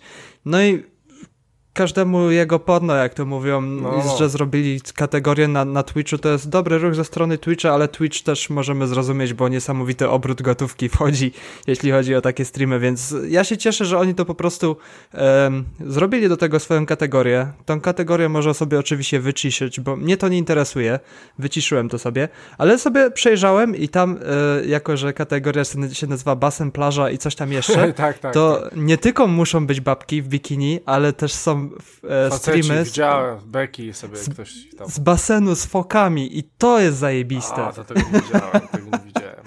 Po prostu można sobie oglądać jak A, foki wiem, w tak, basenie. tak, wiem o co chodzi, że mo- tak, tak, to, to, to widziałem, to, to było zajebiste, no. No i, i z tego się cieszę, że to jest w tej kategorii, że foki można sobie pooglądać. Fajne foczki. No, no, no, to słuchajcie, to zostając już e, ty- e, przy temacie w sumie foczek i soft porno, to Michał grał w As Effect. To, to jak tam, Michael, odświeżona edycja e, tej gry, jak to wygląda? E, ogrywałeś na Xboxie One X, tak? Odgrywałem na tym starej generacji, od, od remastera sobie ogrywałem. No. I dla mnie to jest ciężkie do porównania, ponieważ e, kontakt e, z serią Mass Effect miałem tyle, co prawie żaden. Z pierwszą edycją Mass Effect to jeszcze byłem takim trochę niedojrzałym graczem. To, kiedy to było? 2007 rok chyba.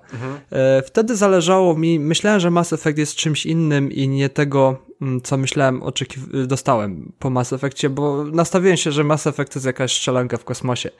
I nie pomogło mi to, że mój język angielski w tamtym okresie nie był jakiś y, na wysokim poziomie, a gra była jedynie na Xboxie w wersji angielskiej, więc to był taki dla mnie problem, żeby wsiąknąć trochę w tą historię i, i gdzieś tam zagłębić się bardzo i wyciągnąć tą magię, którą jarają się wszyscy ludzie, to znaczy wszyscy ludzie. Jest bardzo dużo fanów oddanych e, serii Mass Effect, którzy robią sobie tatuaże, obchodzą dzień e, N7, czyli, czyli właśnie ten statek Normandia ma, ma logo N7, chyba nawet jest nazwany seryjnie N7, e, że, że 7, 7 listopad, November N7 jest dzień Mass Effecta. E, I gdzieś tam zostało mi w głowie to właśnie pierwszy Mass Effect jako taki w 2007 roku to naprawdę był sztos, jeśli chodzi o, o mechanikę gry, jeśli chodzi o grafikę gry. Tam wszystko po prostu wyglądało zajebiście i ta gra była po prostu takim wow, takim benchmarkiem na konsoli, że tak powiem, że jeśli chciało się odpalić e, kumplowi, który nie miał nowej generacji w 2007 roku, to mówiło się, "Zo- e, mam Mass Effecta, zobacz sobie jak gry aktualnie wyglądają zajebiście. No i takie wspomnienie zostało mi z Mass Effecta z tamtych lat. W Mass Effecta dwójkę trochę sobie ogrywałem na chyba na PlayStation 3, bo Mass Effect 1 wyszedł jedynie na Xboxie, to był ekskluzyw, a po jakimś czasie dopiero pojawił się na, na konsolach Sony. No i jakoś, jakoś okazało się, że dwójka wpadła mi w łapy i już mniej więcej czułem tą magię, ale nie było tego przywiązania, które mógłbym zdobyć, bo grałem w część pierwszą. Za mało grałem w część pierwszą, żeby Mass Effect dwójki wziąć z całym sercem, przygarnąć, przytulić do siebie. No i stwierdziłem, że edycja legendarna, właśnie ten, ten remaster e, Mass Effecta, który wyszedł z dwa tygodnie temu? Dwa tygodnie mhm. temu. Tak, e, tak. Wyszedł dwa tygodnie temu, to jest idealna pozycja dla mnie, bo mogę sobie po prostu odświeżyć to, e, czym się ludzie jarają. Mogę w końcu zrozumieć e, fenomen tej serii i w czym jest magia. No i oczywiście E, zacząłem sobie od części pierwszej, bo jest taki myk, że się najpierw na, na początku instaluje pi część pierwsza i później można sobie doinstalować część drugą i część trzecią, co uważam za, za zawsze fajny myk w grach, że można sobie, e, jeśli skończę Mass Effecta jedynkę, sobie go po prostu, jeśli nie będę wracał do niego, odinstalować i zainstalować sobie dwójkę, żeby tym miejscem na dysku, z którym czasem jest kiepsko przez e, cholernego Game Passa, żeby sobie po prostu tym zarządzać. Więc zainstalowałem sobie jedynkę, no i wciągnąłem, cholernie mocno wciągnąłem. E, historia jest niesamowita. Z, podoba mi się projekt, właśnie zaprojektowanie tej całej historii, ta, ta wielowątkowość i ta mnogość wydarzeń, co na rok 2007 to był taki naprawdę nowe podejście do gier RPG, że, że po prostu historia była tak ciekawie poprowadzona i teraz jak patrzę z perspektywy lat, to trzeba na część pierwszą, nie wiem jeszcze jak jest drugą, bo dalej jestem przy części pierwszej, mam tam z 12-13 godzin, które przeleciały jak za stryknięciem palca, gdzie u mnie rzadko się zdarza, że gry mnie tak po prostu przyssają do siebie. Ta gra się zestarzała strasznie i nawet nie, nie ratuje jej e, to, że jest remake'iem, remasterem na, e, na dalszych generacjach, i, ale to nie przeszkadza w odbiorze. Chyba, że grało się, miałem takie porównanie, bo jedna z początkowych misji na, wskazuje nam, żeby iść sobie do jakiegoś, do pubu w Cytadeli i z kimś tam porozmawiać, to nie będę spoilował, chociaż pewnie każdy wie o co chodzi. Trzeba po prostu iść do, do, do pubu i porozmawiać z kimś. No i e, przed oczami mam, ok, Mieliśmy w Cyberpunku misję w pubie, w klubie i wchodziło się do tego klubu, muza leciała, wszędzie było, wszędzie byli ludzie, po prostu wylewał się ten klimat, interakcja z innymi ludźmi. E, cały klub był kompletny. A tutaj się wchodzi, jakieś pomieszczenie po, z pojedynczych stolików, gdzieś tam posklejane, kilka postaci się tam, e, się tam uchowało, gdzieś tam stali, siedzieli i, i po prostu to był cały klub, gdzie, gdzie klubu to w ogóle nie przypominało, było tak na, na odpierdol zrobione. Okej, okay, e, na to się przymyka oko, teraz gry przyzwyczajają nas do większej e, szczegółowości, detali, jeśli chodzi o projekty e, różnych pomieszczeń i tak dalej, więc e, jest starość w tej grze.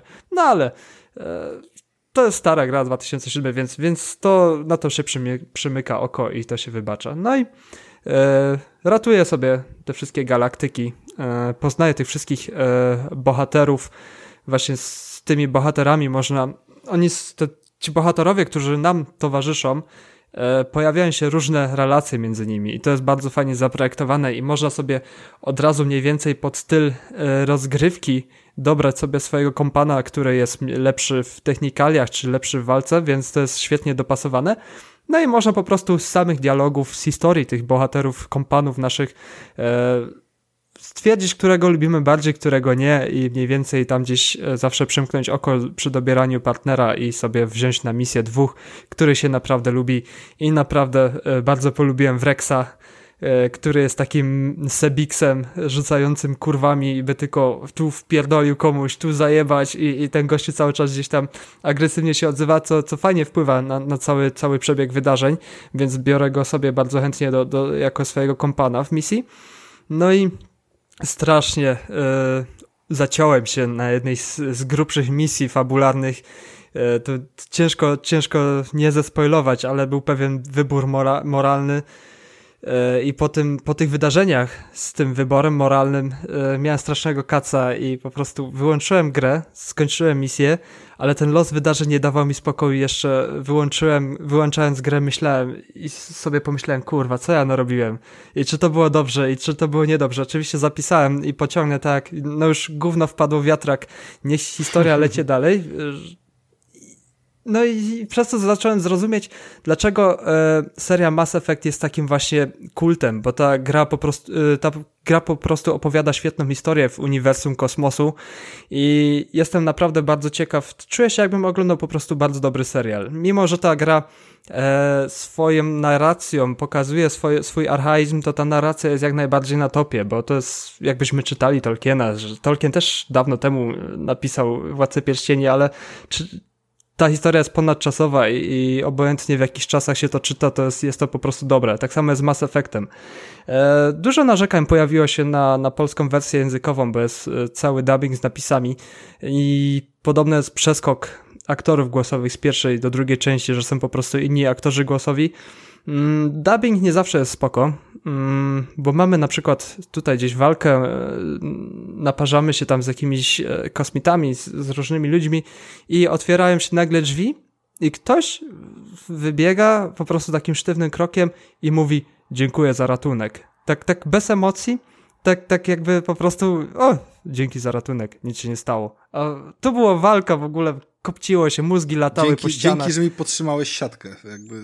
No, coś, coś, coś w tym stylu, tak bez emocji, dzięki, no. Uratowałeś, strasznie się baliśmy. I takie wow. I to, to są takie, takie, mm, takie smaczki, które gdzieś tam mogą zakuć, ale ja wybaczam tej grze, bo, bo wydaje mi się, że ten dubbing gdzieś był robiony na szybko. Jestem ciekaw, e, jakie usprawnienia będą właśnie w drugiej części, gdzie oczekuję już, druga część oczywiście wyszła trochę później niż 2007, więc ta technika gdzieś tam na pewno poszła dalej i rozwój postaci jest trochę topornie, trochę topornie się zarządza ekwipunkiem, żadnych tam obrazków nie ma, tylko na, Aha. tylko nazwy broni i, i się gdzieś tam to dopasowuje, więc czuć ten archaizm, czuć, e, że robimy taki duży krok wstecz, że musimy się trochę odzwyczaić od tego, czego, do czego nas przyzwyczaiły aktualne gry, czyli Cyberpunk, Wiedźmin, te wszystkie RPG, które są aktualnie na topie, e, ale ogólnie jeśli chodzi o całokształt odbiór jest jak najbardziej fenomenalny i kto w ogóle nigdy nie miał styczności, tak jak ja, kto tylko liznął serię Mass Effect i nie wie dokładnie, kim jest Commander Shepard i jego kompanii, to, to polecam naprawdę. Jest to tytuł obowiązkowy dla kogoś, kto nigdy nie grał, a kto grał kiedyś i był wielkim fanem kiedyś, w tych 2007-2008, jak najbardziej warto nadrobić tą historię i mi się wydaje, że Mass Effect 1 mm, jeśli gdzieś tam przejdę dwójkę i trójkę, mam nadzieję, że przejdę, bo, bo naprawdę wciąga jak cholera, to sobie po prostu e, z ciekawości odpalę jeszcze raz e, Mass Effecta jedynkę i wybiorę troszkę inaczej, pociągnę historię i zobaczę wtedy, co się stanie. Może będę miał mniejszego kaca po moich poczynaniach, więc jestem naprawdę ciekaw tej serii i, i coraz bardziej mnie to wciąga i polecam każdemu.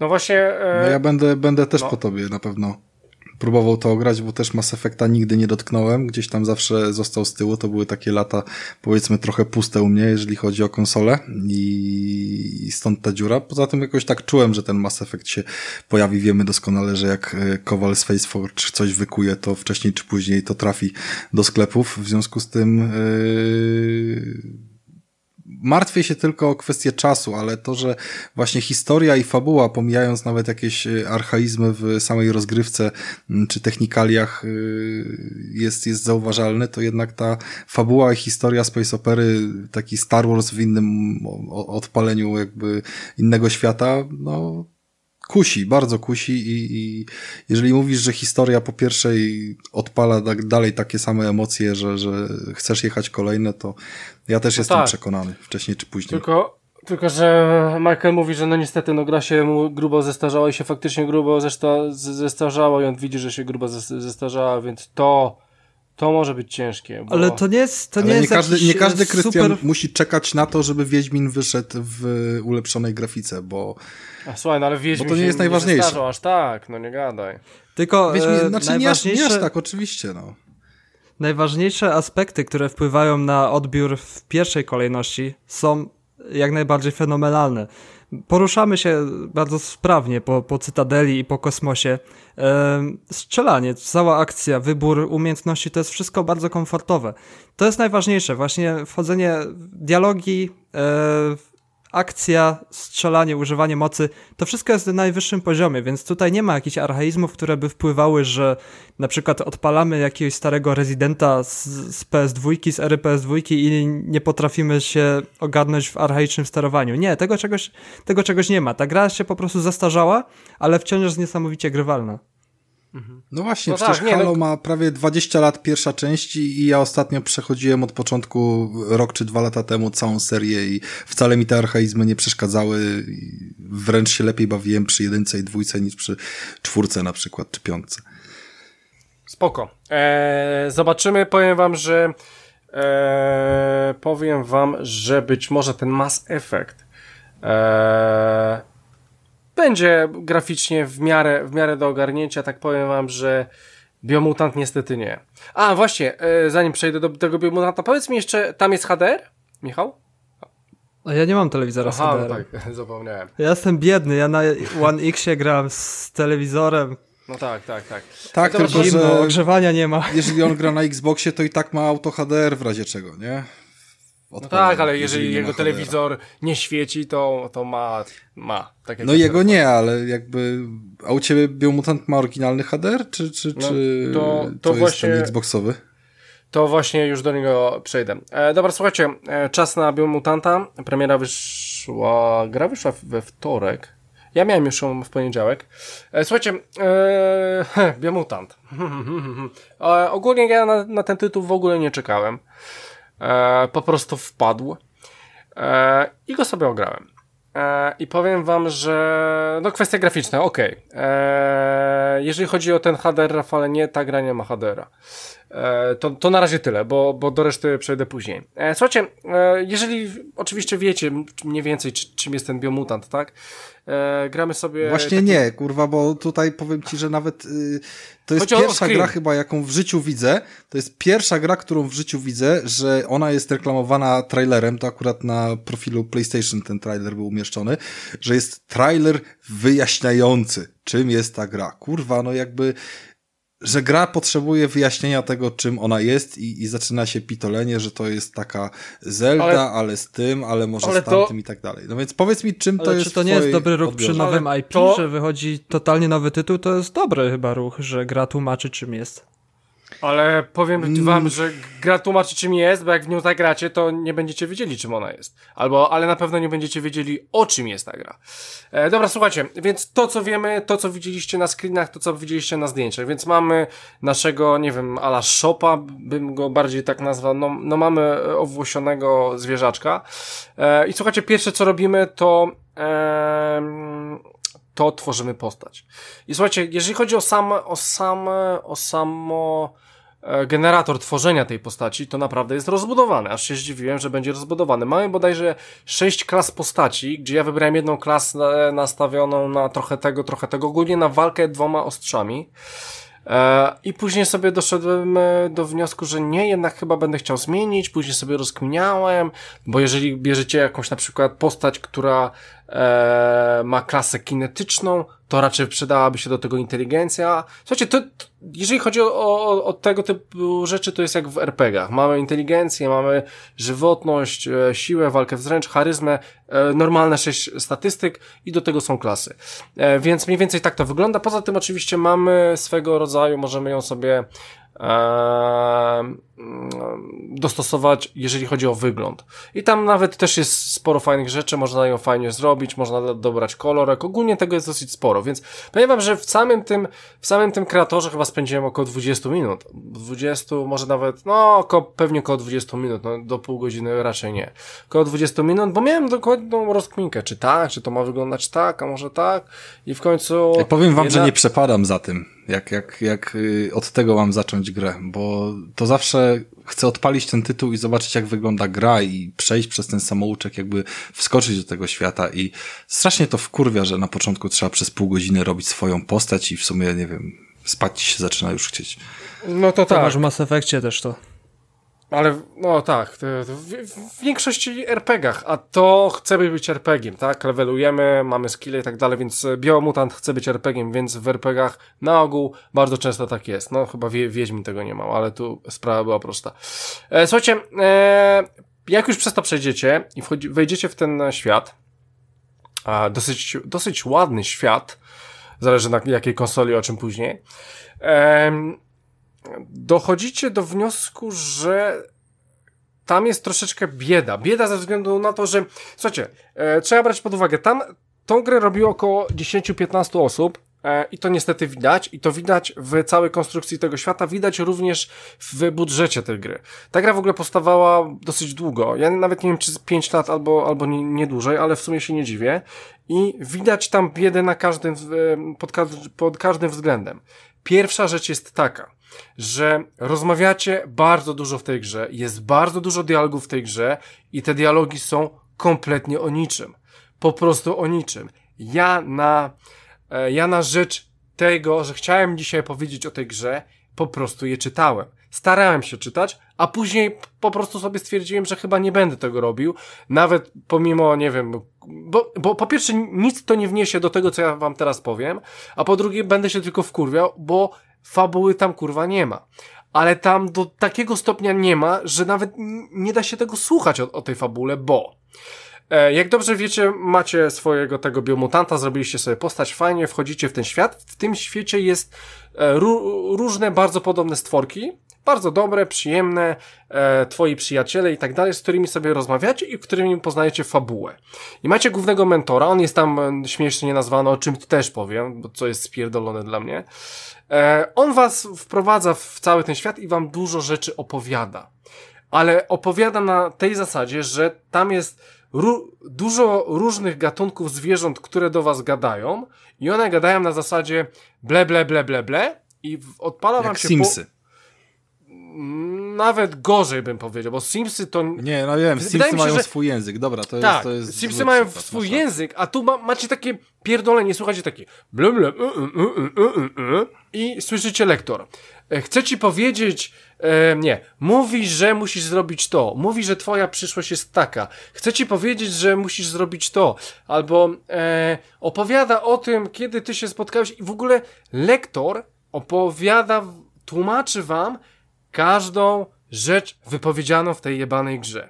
Słuchajcie, na początku spoko, ale później, jeżeli mamy postać, która pierdoli nam przez 10 minut, to ja już kurwa, no nie chcę się tego słuchać, szczególnie, że pierdoli, bo tam, fa tam fabuły kurwa nie ma. Znaczy jest ta fabuła, ale ona jest tak chujowa, że nie ma tam tej fabuły.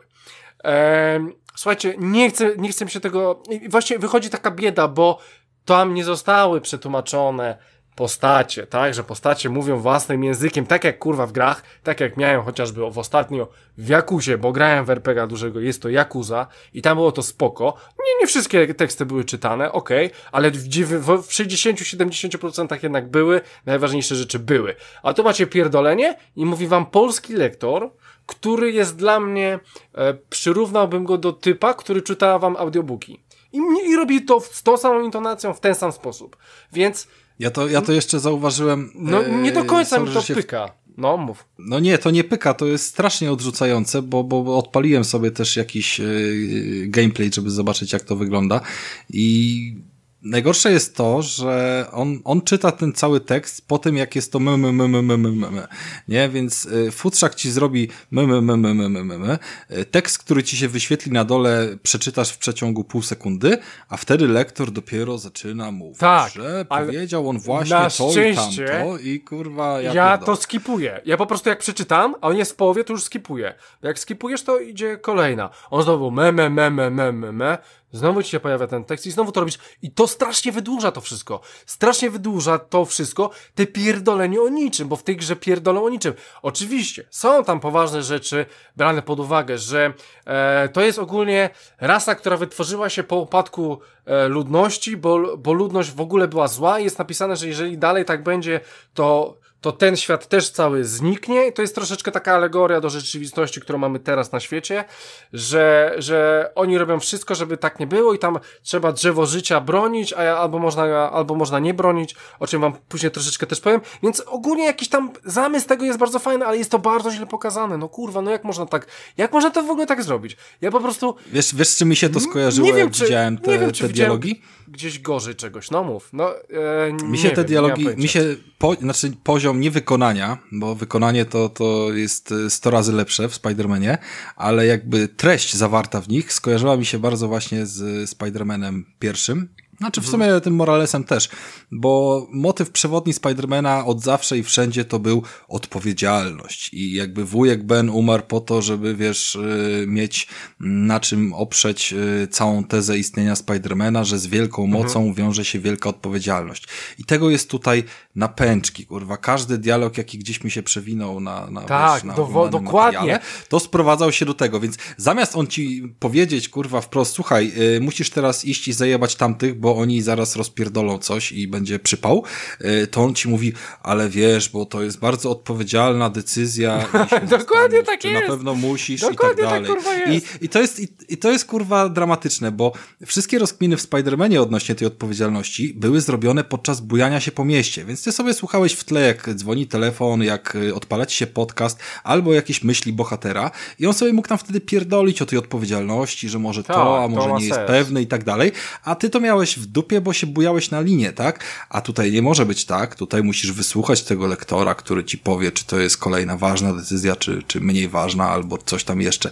I bardzo przez to są rozciągnięte. Widziałem, że, bo odpaliłem też angielski gameplay, on był jakby pierwszy. Tamten lektor się lepiej spisuje.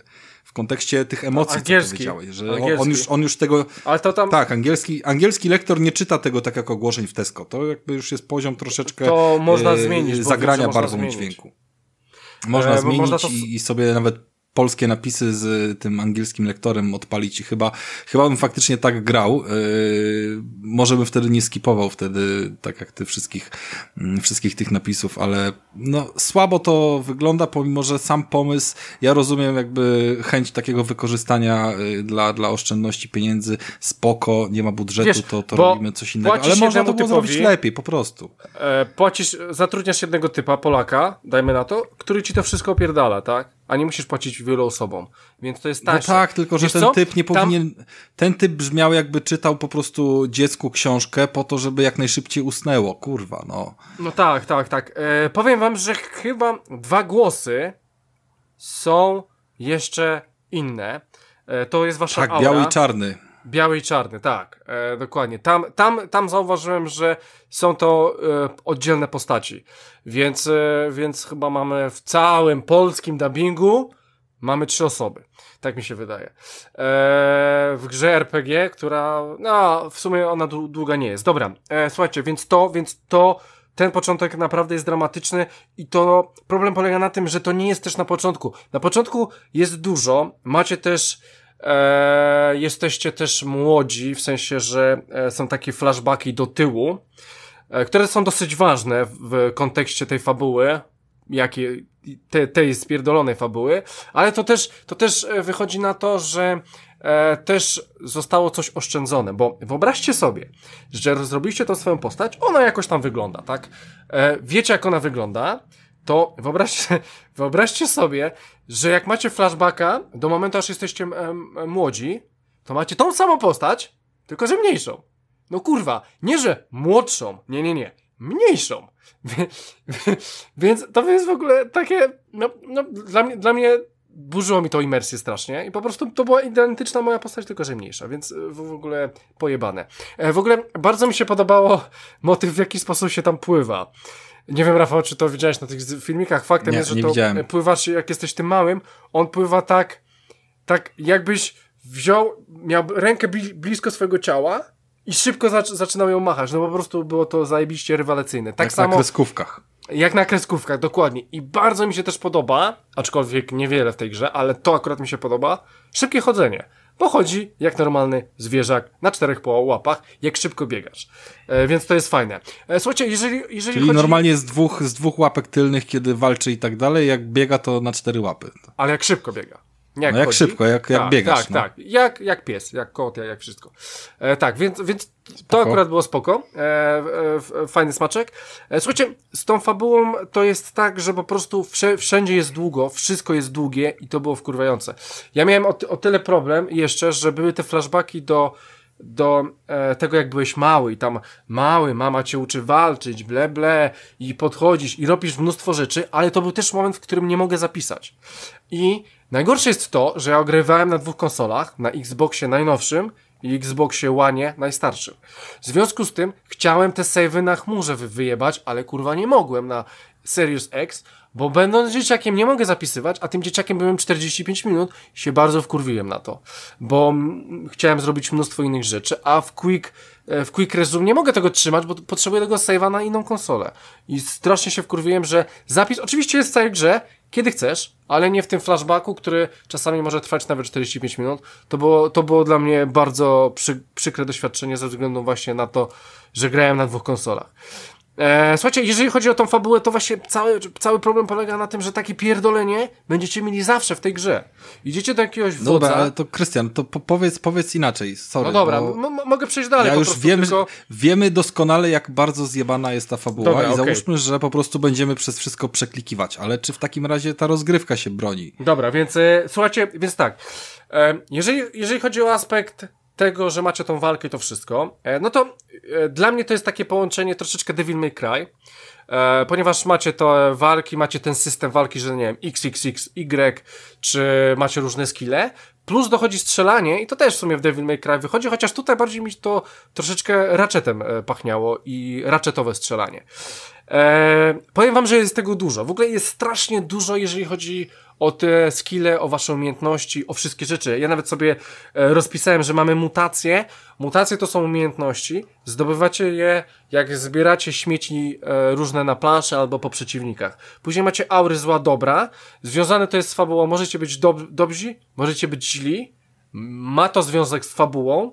Ma to związek z rzeczami, które będziecie podejmować, bo możecie gadać i wybierać e, decyzje chujowe albo dobre. Ja na przykład chciałem być chujem i chcę wszy wybić wszystkie plemiona, żeby jedno plemię opanowało świat i żeby, żeby drzewo nie rosło i było rozjebane i w ogóle, że zrobić mindfucka kompletnego w tej grze. W to szedłem. E, więc ogólnie byłem zły i starałem się być zły i, będ- i robiłem złe rzeczy. Więc, Zabrzmiało e, to, jakby to plemię nazywało się Microsoft. ale, ale powiem, powiem ci jedną rzecz, że jak zrobiłem, że byłem zły, to miałem troszeczkę jak Michał. Że tak sobie raz miałem, kurwa, psuć sobie całą rozgrywkę będąc zły, a gra jest po prostu o tym, żeby być dobrym i tak dalej i nawet chciałbym być dobrym, ale tak sobie pomyślałem, nie, będę kurwa złym. Ale miałem taką ro- rozkminę, że nie wiem, czy, czy to był najlepszy pomysł. No dobra, e, no nieważne. Oczywiście mamy statystyki jeszcze w tej naszej postaci. E, mamy, to się nazywa tutaj... Ale to dwa- czekaj, no, słuchaj, No. bo, bo to mnie tak zastanawia. Mamy te wszystkie dialogi rozpisane, no jakby ja widziałem tylko kilka, więc wiem o czym jest ich y, zatrważająca większość, Ilość, y, tak, ale, tak. ale ale jakby nie patrzeć, masz tą aurę, tak? Dobrą i złą. No i Masz. wybory też podejmujesz. Czy Tak. to oznacza, że w ogóle nie ma postaci, które cię nakłaniają do tego, że ej, daj spokój, bądź zły, dawaj, zajebiemy ich razem ze mną i, i będziemy razem sobie Te- tutaj no siedzieli, te- będzie zajebiście i tak dalej? Te aury. Jakby, że wiesz, że możesz się utożsamiać z jakąś taką y, częścią. E, wiesz co? Nie, przy to- tych to masz- wyborach mówisz, że czułeś się źle, to, to, To masz- znaczy, że co, wszyscy świecą na, na, na Nie. jasno? Chodzi o to, że gra jest, gra jest alegorią do współczesności. Dla mnie. Ja ją tak troszeczkę sobie odebrałem. Do tego, że ludzkość niszczy planetę. A biomutanty powstały po tym wszystko, jak już ludzkość wymarła, bo rozjebała planetę i oni próbują ją tam jakoś w jakiś sposób odbudować i jest sobie jakieś tam drzewo, które jest najważniejsze na tej, na tym, e, na tym, w tym świecie i po prostu ona musi sobie rosnąć i wszystkie plemiona są po to, żeby bronić te drzewo i musi być zajebiste. I ja chcę to zniszczyć. A jestem przy, a ogólnie w życiu jestem przeciwny ludzkości, co, która się dzieje w, na naszym świecie, na naszej ziemi, Earth One i po prostu robię zupełnie coś innego niż robię w rzeczywistości. I dlatego tu miałem ten zgrzyt. O to, o to mniej więcej Okej, chodzi. okej, Jestem, okej. jestem pierwszym przeciwnikiem do wszystkiego, że możemy nie jeść mięsa i dla mnie będzie okej I, i, po, i po prostu wszystkie takie ekologiczne rzeczy, a w grze chciałem być chujem. No i, i tu miałem ten zgrzyt. Dobra, e, więc słuchajcie, mamy jeszcze coś takiego, co się nazywa Wang Fu, tu mamy, e, to jest tam e, taka ala, ala ich, ich, e, ich sztuka walki, dzięki której po prostu mamy e, fajne umiejętności, e, które odblokowujemy tam za level.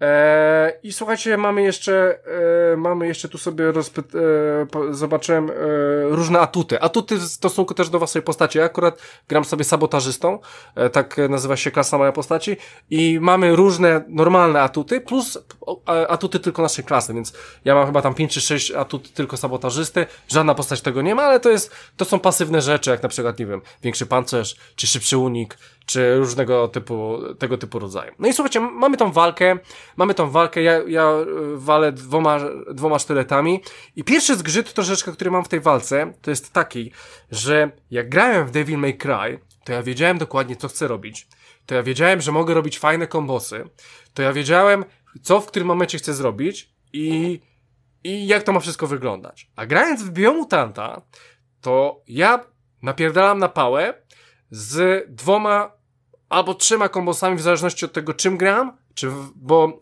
tam są też e, różnego rodzaju przedmioty, które będzie, będziecie później zmieniać. Zacząłem z dwoma sztyletami, później miałem rękawice i tak dalej. Tam, tam wchodzą du, dużego rodzaju przedmioty, które po prostu są takie mocne, że będziecie ich używać. E, więc po prostu robię połowę rzeczy, która ta gra mi zaplanowała. E, połowę tych ciosów używam tego wszystkiego, tego strzelania i tak dalej, tego wszystkiego, bo drugiej połowy albo nie znam, albo po prostu nie jest mi potrzebna. E, no i troszeczkę to mniej więcej tak wygląda. Czyli E, to jest taki trochę słaby balans tej walki, bo, bo, bo masz jakieś rozwiązania czy ciosy, które po prostu załatwiają sprawę i nie musisz się uczyć innych, tak? Coś jest zbyt dobre.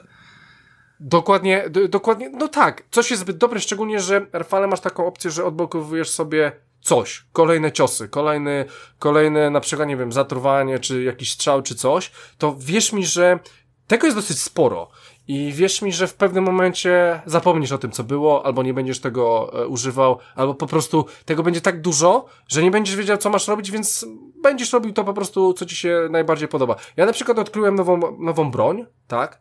Eee, I powiem ci, że napierdalam cały czas tej broni i już nie atakuję z bliska. Już mam na to wyjebane. Te ciosy, co sobie e, upgrade'owałem, żeby atakować z bliska, e, to w ogóle ich nie używam, więc to wszystko, co robiłem wcześniej, troszeczkę nie ma sensu, bo odkryłem coś zupełnie... E, e, odkryłem zupełnie coś innego, co po prostu jest dla mnie game changerem. I to, co robiłem wcześniej, dla mnie jest z dupy trochę.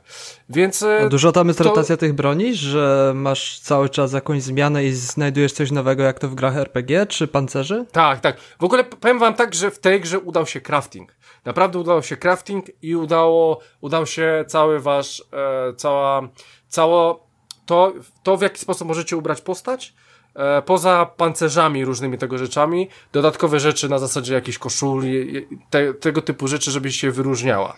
Bo w ogóle gra mi strasznie przypomina w menusach Fortnite'a, ale to jeden do jednego i dla mnie to jest Fortnite jeden do jednego. Do tego stopnia, że e, do tego stopnia, e, że po prostu można, można popatrzeć na menu i stwierdzać, że kurwa to jest Fortnite.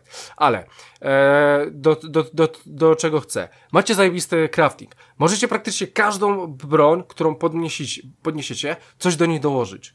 E, możecie stworzyć własną broń od zera i tam znajdujecie, to dopiero w późniejszym etapie gry będziecie znajdować jakieś rączki, jakieś lufy, tego typu rzeczy, będziecie mogli stworzyć swoją broń. To jest akurat fajne i co ciekawe, nawet te bronie mają sens i, i w miarę działają. Ale na ogół było tak, że po prostu ja znajdowałem jakąś broń i później starałem się ją e, dopakować, żeby ona była jeszcze mocniejsza, więc e, to, to w zależności jakie wy będziecie mieli podejście, ale crafting jest naprawdę dobry i w tej grze naprawdę się udał.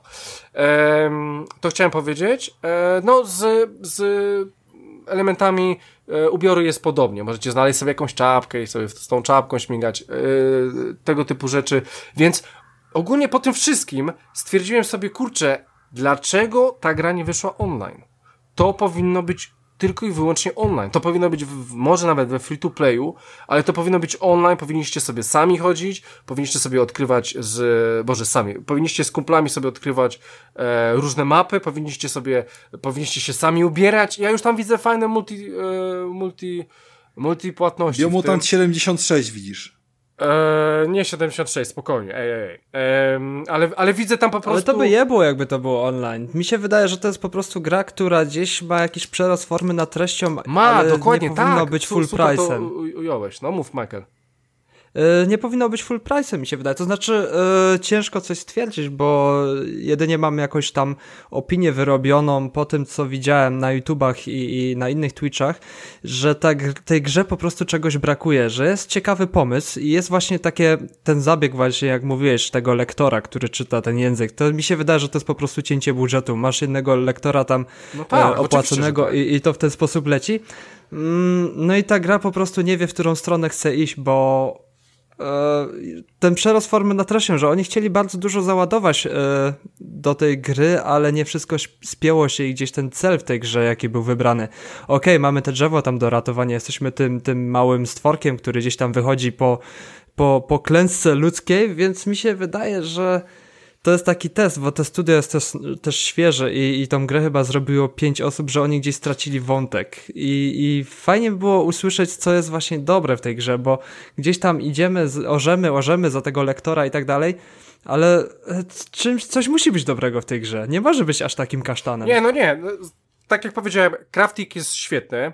E, powiem wam, że jak, jak przejedziecie to, przejedziecie tą ciężką fabułę, na, naprawdę ciężką fabułę i ciężkie takie pierdolenie, to ta walka sprawia satysfakcję. Naprawdę sprawia satysfakcję, to strzelanie sprawia satysfakcję. Chodzenie po tym świecie na nowej konsoli też sprawia satysfakcję. I powiem wam, że teraz e, przeglądałem sobie jeszcze filmiki z pecetów, no i kurwa, no niestety, dużo, dużo, sporo lepiej wygląda to niestety na PC-tach niż na nowych konsolach. Chciałbym zauważyć, że ja mam Full HD, nie mam 4K. E, mam 60 katek, spoko. Nie mam HDR-a.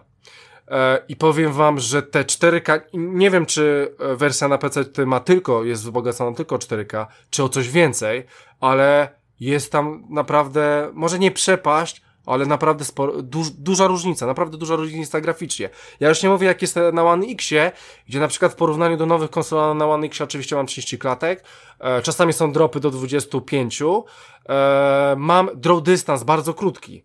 E, otoczenie w jakiejś tam dalszej odległości jest e, mniejsze, więc, y, mm, więc, y, no i miałem, miałem jeszcze taki, taki zarzut, że jakiś tam antyaliasing nie do końca działa tak jak powinno, ale akurat, ale akurat e, później jeszcze dłużej pograłem i chyba jest w miarę okay. E, ale po prostu, Dobrze by było poczekać też e, dalej na aktualizację do 4K, bo, bo już zapowiedzieli, że coś takiego będzie. E, no właśnie mają być wersje na PS5 i, i Series Xa. Tak. W, ja myślę, że już są, w, że to jest po jakiejś tam wersji natywnej. Ale to, co mi się rzuciło w oczy, bo ja też widziałem te gameplaye z y, PC-ta, czyli tam wiadomo 4K i w ogóle y, chuj turbo, trąbki, bombki i zajebiście, o, ale... bombki, trąbki, no. No, tam jest fajna trawa, nie? I ta trawa porastająca, te zbocza, sygnalizująca od razu jakby, że to, to mamy taki, wiesz, świat y, odrastający trochę po jakiejś po jakimś mocnym fakapie, bo tej trawy jest ewidentnie bardzo dużo, przynajmniej na tych y, standardowych rejonach y, gry, no bo, bo wiadomo, że mapa jest jakaś tam rozległa i ma też inne jakieś swoje mm, historie, to poza tą trawą, która wygląda fajnie, mamy zwykłe ścieżki i te ścieżki wyglądają dramatycznie. To jest poziom, który mm, mi się od razu przypomniał y, ten, przypomniał mi się mm, Blair Witch Project, y, Blair Witch, który wy, wyskoczył y, przez tego blobera tam mm, chyba już dwa lata temu, w sumie, czy półtora. I tam było dokładnie tak samo, że na ziemi y, zamiast jakiegoś błota, które, wiecie, no, my już mamy w sumie y, klasykę y, grafiki taką, że, że nawet w nie, nie godowłoże, tylko nawet taki madraner ma po prostu uginający się, zostawiający ślady trójwymiarowe podłoże i, i, powiedzmy, że to jest jakiś standard, a tam zwyczajnie jest płaska tekstura. W Blair Witchu były błoto i, i ślady stóp i tego typu rzeczy, a tutaj mamy płaską teksturę kamieni, które ewidentnie powinny stamtąd, nie wiem, wystawać, chociaż trochę leżeć ich jakoś bardziej, wiecie, yy, uwypuklonych i, i dawać trochę przestrzeni głębi tam ewidentnie poza, szczególnie w takiej dużej rozdzielczości, poza tą trawą, która wystawała z tej ziemi, to po prostu była płaska tekstura z, z jakimiś tam kolorowymi kamyczkami. Strasznie mnie to odrzucało, pomimo, że wiecie, postać jest zrobiona ładnie, jakiś tam draw distance, drzewa, trawa, wszystko, ale, ale po prostu pod nogami dramat. Yy, I tu się, Rafale, z, Tobą też zgodzę, szczególnie, że tą bitmapę możemy, takie coś ala bitmapa właśnie, możemy e, e, spotkać się jeszcze w wielu miejscach, to, to nie tylko będzie coś takiego, ale to też będą na przykład skały, e, sk- skały, skały, skały po prostu, jak, jak na przykład e, prowadzone są dialogi z niektórymi postaciami, to w tle widać takie właśnie skały ala bitmapa, e, kamera jest e, w pewien sposób tak obrócona, że właśnie to tak źle wygląda. Słuchajcie, wiecie co tam jeszcze właśnie sobie przypomniałem? Że tam jest jeszcze taki jeden archaizm, nie wiem czy zauważyliście, że e, to tego dawno w grach nie było. E, że wyobraźcie sobie, że wchodzicie do jakiegoś pomieszczenia i są tam też e, zagadki logiczne, o, widzicie o, o czym nie powiedziałem, e, które po prostu są fajne, sprawiają przyjemność, e, są, są bardzo fajne. Na przykład wchodzicie do po- pomieszczenia i musicie coś zabić. To macie tak, na, najazd kamery na to i później powrót do was. I musicie to zrobić. Później z, z, zabijecie to, nie wiem, wchodzicie gdzieś dalej, później otwierają się drzwi, najazd kamery na to i powrót. Nie, nie wiem, czy pamiętacie coś takiego, ale, ale już te, w ten sposób się gier e, nie robi. Czy to nie jest jakieś takie.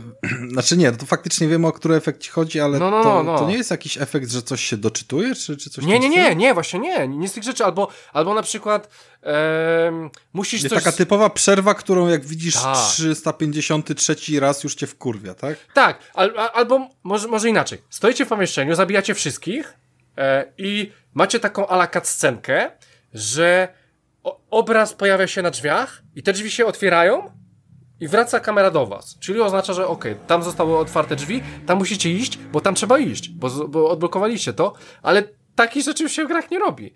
E, No nie, no, a- jakby a już tu, tu macie po prostu debila kam, ciebie. kamerzysta, dokładnie, kamerzysta pokazuje wam, aha, dobra, to, to musicie tam iść, więc to jest słabe. E, po, po, powiem wam, że tak, jeżeli chodzi o całe to otoczenie, to ta trawka, ta trawa robi i ta zieleń i ta cukierkowość tego świata robi, ale w pomieszczeniach już niestety jest bieda. Jest mało elementów. Co ciekawe, zauważyłem też jedną rzecz, e, dopiero później zwróciłem na to uwagę, nie jestem tutaj do końca pewny, ale prawdopodobnie na 90% tam, tam e, na tym świecie nie ma żadnych stworzeń. Tam macie albo przeciwników, albo NPC-ów, albo wy. Nie ma na przykład ptaszka, który przeleci po tej wielkiej dżungli, po tych wielkich lasach. Czy wiesz, może wszyscy się zmutowali, może to jest takie wyjaśnienie A w sumie, logiczne. w sumie no tak, w, fabularnie Dobra, ale ja, ja mam, to ja mam to przyszło, mi sens. do głowy, przyszło mi do głowy konkretne pytanie. No mów. Mm, Odnośnie tego świata. No Więc mów. tak, był trailer, który mówił o tym, y, czym jest ta gra. I ten trailer dosyć dumnie y, zaczynał od pierwszego skojarzenia, że to jest taka Zelda Breath of the Wild. No ja w tą Zeldę trochę grałem na tyle, żeby wiedzieć, jaka to jest y, mechanika Zeldy i o co w mechanice Zeldy Breath of the Wild chodzi. Wiemy, że Immortals y, bardzo mocno się nią inspirowało i bardzo dużo było elementów y, takich związanych z wpływaniem na środowisko, z robieniem jakichś rzeczy typu, typu zagadki logiczne, że jakiś kamień wykorzystamy do uniknięcia walki wręcz i po prostu zabijemy nimi wrogów, albo że zetniemy drzewo, albo coś, albo coś, albo coś. I zasadniczo wow, tak wow, wygląda wow, ta Zelda. Nie, no nie, to, i, to... I takie, takie porównanie się pojawiło na samym początku. Mm, Natomiast nie spotkałem się w żadnym z materiałów yy, do jakiegoś odniesienia do tej kwestii, rozwinięcia i zweryfikowania, rozliczenia de facto yy, twórców, czy to faktycznie można porównywać do Zeldy, poza tym, że jest od chuja trawy. E, powiem ci tak, Rafale, wiesz, że ja nie grałem w Zeldę. E, aczkolwiek mam Zeldę, ale w nią nie grałem. E, no, no nieważne. E, I z tego, co mi mówisz, to jest w ogóle dla mnie wow, mindfuck i ta gra nawet przy tym nie stała. E, nie, tutaj czegoś takiego nie ma, mamy ogromną mapę, znaczy ogromną, dosyć sporej ilości, e, sporej, e, sporego obszaru mapę, w której po prostu, jak będziecie, bo ja akurat podbijam te plemiona, e, podbijam te plemiona i po prostu mi się tam e, e, zapełnia i po prostu jest coraz fajniej, ona mi się coraz bardziej e, rozszerza, e, robią mi się teleporty, ale czegoś takiego, Rafale, nie słyszałem, Coś takiego jak interaktywność nie, środowiska, czy- czy, jakaś wolna Nie. wola, zabawa tym, co cię to otacza, nie, ma Nie, czegoś nie, e takiego. ewentualnie powiem wam, no, że, e, niektóre skille są bardzo fajne, na przykład e, skill lewitacji, że sobie latasz nad e, nimi wszystkimi i ich napieprzasz z gana. Nie, no wiadomo, to- to, to to, jest jest, fajne spoko. do zabawy, ale to, to nie wpływa, jakby samo środowisko gry nie jest w żaden sposób wykorzystywane, tak? Czyli Nie, Jedyne zagadki logiczne, jakie są, to, że masz mikrofalówkę, którą musisz tam ustawić w Znaczy odpowiedni sposób, są- bo, są- bo typ... nie- Są rafale na takie, znaczy to, to można, to można powiedzieć, że to jest ala troszeczkę, nie wiem, e, taka, taka zagadka z, typowo RPGów. Patrząc, e, masz na przykład, nie wiem, przekręcić trzy korki, one mają jakieś tam strzałki, trzeba te strzałki połączyć, więc przekręcasz tak, żeby, nie wiem, była linia czerwona i po prostu obracasz te korki. Na przykład masz inteligencji 10, e, nie, masz inteligencji powiedzmy 25, co oznacza, że możesz 10 razy przekręcić. No i musisz sobie rozkminić, żeby w 10 ruchach się zmieścić z tym, e, po czym zostajesz porażony prądem, jak ci się nie uda, potem wraca do tego, co przed chwilą było i sobie rozkminisz to drugi albo trzeci raz, tak? Są czasami niektóre takie zagadki, że na, na pierwszy rzut oka, kurwa, o chuj im chodzi, ale posiedzisz na nich parę minut dłużej i rozkminiasz, a, dobra, chodziło im o to, nie? Więc... e, Dobra, czyli, czyli zasadniczo, typy. czy, i czy, pod czy twoją są tutaj... akurat, co jest No właśnie, jest czyli czy są, czy są takie elementy, które pozwalają ci się, yy, nie wiem, w jakikolwiek sposób wyżyć intelektu intelektualnie, że rozwiążesz jakąś yy, Nie, nie, to- to nie kwestię gry gra, w inny gra, sposób nie. niż zaplanowali twórcy, o to mi chodzi, nie? Bo wiesz, bo, to czy, czy Metal Nie. Gear 5, czy Wiem, Zelda, czy cokolwiek Znaczy- takiego, odpala przed tobą różne możliwości. Możesz wykorzystać inny przedmiot i, i rozkurwić ich kamieniem, kijem albo wiesz, piórkiem na dobrą No sprawę. nie, Rafale, nie, nie oczekuj od tej gry tak dużo. Masz ten swój arsenal, możesz stworzyć swoją broń i za, zacząć napierdalać. Aha! No tak, ale wszystko tutaj- się sprowadza do tego, że masz ich najebać jest, sam własnoręcznie. Rafale, powiem ci tak. E, trafiacie na różne obszary, e, bo jest tutaj, są tutaj coś takiego jak żywioły. I wy, wy levelując, dodajecie sobie, e, możecie zrobić z tymi punktami co chcecie, ale możecie też je wykorzystać na e, resistance na żywioły, odporność, odporność na żywioły. I e, na przykład jak macie jakąś, nie wiem, e, przeciwnika, który wali od trucizny albo od radioaktywnych rzeczy, albo planszę z radioaktywnymi rzeczami, no to ta odporność wam coś tam da i będzie wam mniej energii spadać. Możecie sobie stworzyć, stworzyć na przykład e, rzecz, pancerz, który po prostu da wam pewną odporność na planszę, w której się znajdujecie. Na przykład będzie zimowa plansza i tam e, e, może wam życie delikatnie spadać, bo, bo będziecie na tym e, e, e, terenie, więc możecie sobie stworzyć rzecz pod, pod coś takiego, żeby po prostu wam to nie spadało. I to jedyna rzecz, którą zob- zobaczyłem. Są cztery żywioły, znaczy cztery żywioły. Cztery, cztery rzeczy, na które można się odpornić. Tam chyba właśnie było to, e, było e, było właśnie ogień, była zima, była radioaktywność, jeszcze chyba jakiś prąd albo coś. I, I wiem, że są różne plansze i przeciwnicy, ewentualnie można tutaj sobie to porozkminiać. Ale to, to, powiem wam tak, na początku ta walka sprawiała mi problemy i bardzo łatwo można było zginąć, a później już byłem tak dokokszony, że po prostu e, spa, spacerek, spacerki. Dlatego się zastanawiałem, kurczę, to nie jest gra dla dzieci, a później sobie stwierdzam, a nie, może jednak jest to gra dla dzieci.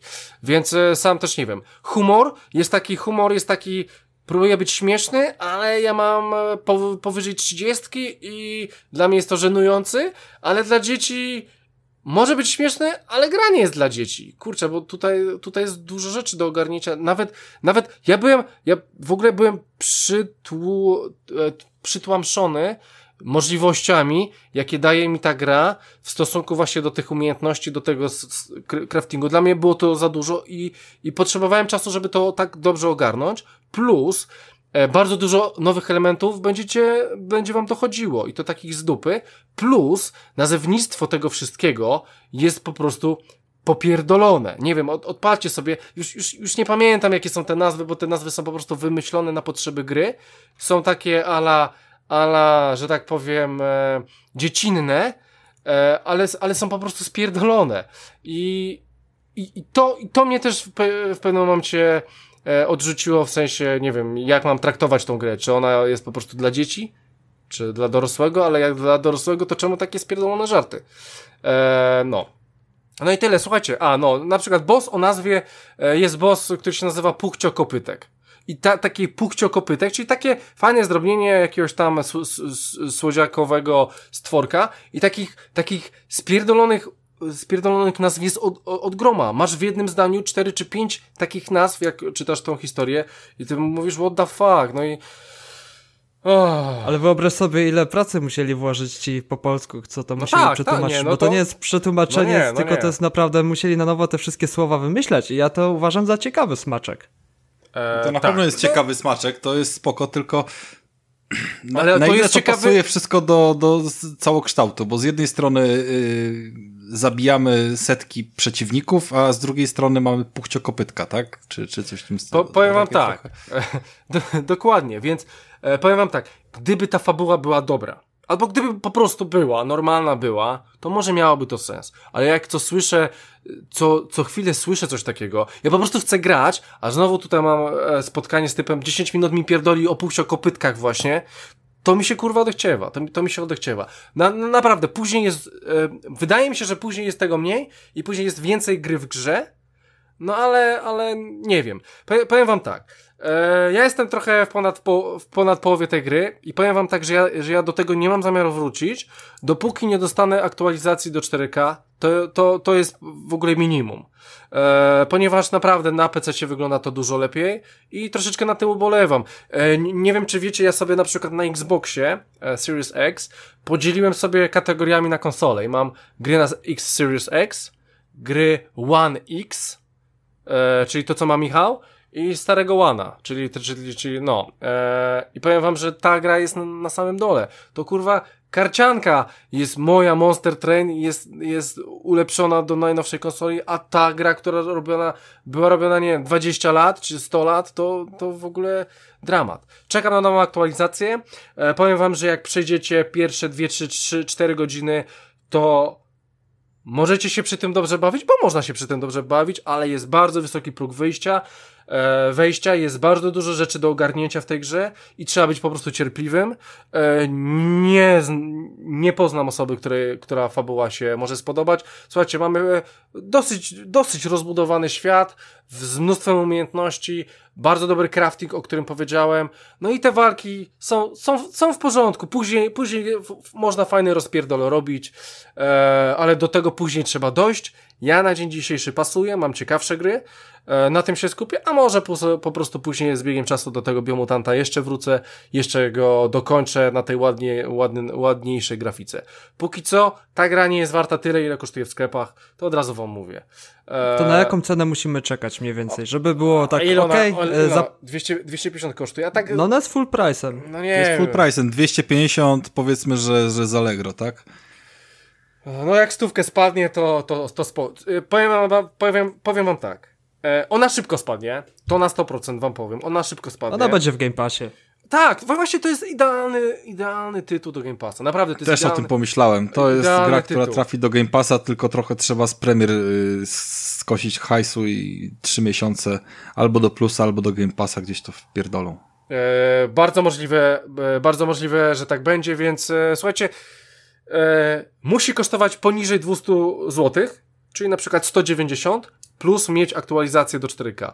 Jeżeli to będzie, to spoko. Więc e, chyba, chyba jednak ważniejsza jest e, aktualizacja do 4K, bo bo no widzę na, na PC, no ja nie mam kurwa takiej grafiki, no. Ja mam, ja mam cztery razy mniejszą rozdzielczość, no kurwa. I to naprawdę dużo daje w tej grze, która za piękna nie jest. Wierzcie mi, za piękna nie jest.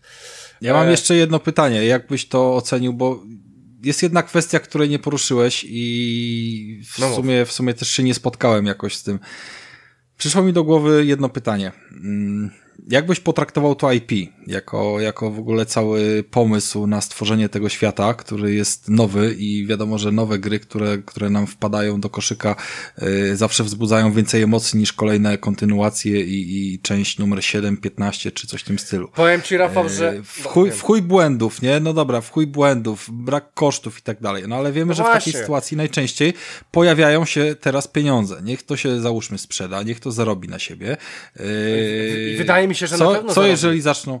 No więc co jeżeli oni zaczną pracować? Czy myślisz, że ten świat ma potencjał na to, żeby, żeby to robić. Już pomijam kwestię fabularną, bo wiadomo, że fabuły jeszcze nie znasz do końca oraz wiadomo, że fabułę zawsze można wymyślić w taki sposób, żeby ona miała sens, nawet jak Tak. tam na końcu ten jebany świat wybuchnie.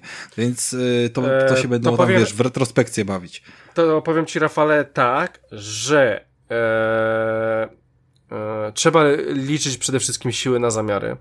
E, I tu niestety nie zostało to dobrze e, przeliczone. Szczególnie, że jeżeli na targach gdzieś ta gra była w 2017 roku pokazywana, i chyba nawet jakiś gameplay był wtedy, a po- wychodzi po czterech latach dopiero później, to chłopaki chyba za dużo chcieli tutaj wpierdolić, no i troszeczkę wyszło, wyszło tak jak e, wyszło wszystkiego po trochu, więc e, po prostu przede wszystkim trzeba e, e, mierzyć siły na zamiary, trzeba sobie to ogarnąć i przede wszystkim wydaje mi się, że po sukcesie tej gry, a tu może być sukces, to może być sukces ze względu na posłuchę. Eee,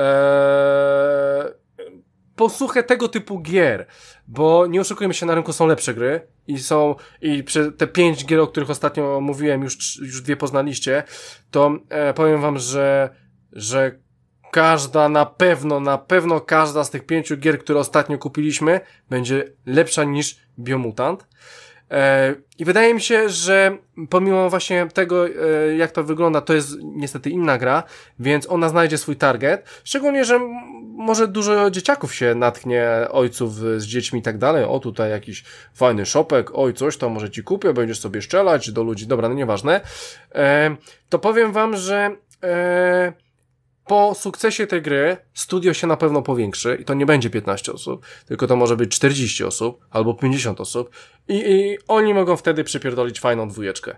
E, I tego w sumie im życzę, żeby Experiment 101, czyli te studio, e, zrobiło Czyli sam, kontynuację. sam, sam, sam świat i klimat, sam świat i klimat ma dla ciebie potencjał na kontynuację. Sam, sam klimat jest na, na pewno spoko, świat jest na pewno spoko, tylko po prostu niech tu będzie lepsza fabuła i konkretny system walki. E, konkretny. E, ale tak, e, jeżeli, jeżeli chodzi o, coś takiego, to tak. No i tam, e, no tak, tak, tak. Te, tak, Rafale. Więc tak. E, ograjcie, wydaje mi się, że na 100% to będzie e, w Game Passie. Ograjcie na YouTubie, to ograjcie na YouTubie. Ograjcie, ograjcie na YouTubie. To, to jest E, wynik. ja- My dajemy takie oceny bezcyfrowe, tylko ograjcie na Tak. YouTubie, w Game Passie albo kupcie na full price. E, powiem wam, Albo stówkę mniej. Powiem, powiem wam, że niczego się nie spodziewałem i w sumie ni, nic nie dostałem, no. No może tak. A, a, a sam idę grać w inne gry. E, więc słuchajcie, to tyle. Biomutant e, został przeze mnie omówiony. E, m- mówię, no. Dobra, to, to wbija, nam się, wbija, wbija nam się 2,5 godziny, więc yy, Kończymy, kończymy. Dotrzymu- jestem, dotrzymujemy- Zmęczony. Jestem zmęczony. dotrzymujemy obietnicy trzymania się jakby no. braku trzymania się limitu czasowego dzięki patronom. Yy, ja natomiast jeszcze jedno słowo i dwa zdania.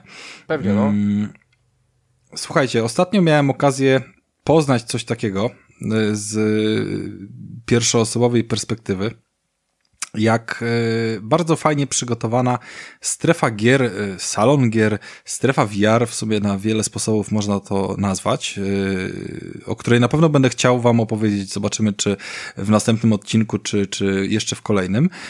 Podczas wizyty w jednym z hoteli, mówimy tutaj o hotelu w Polsce, więc to, to, to nie jest jakby żaden zachodni klimat. Jestem ciekawy Waszych y, doświadczeń w tym temacie, zarówno w, w kontekście y, czy to ostatniego roku pandemii, czy, czy może jakichś wcześniejszych.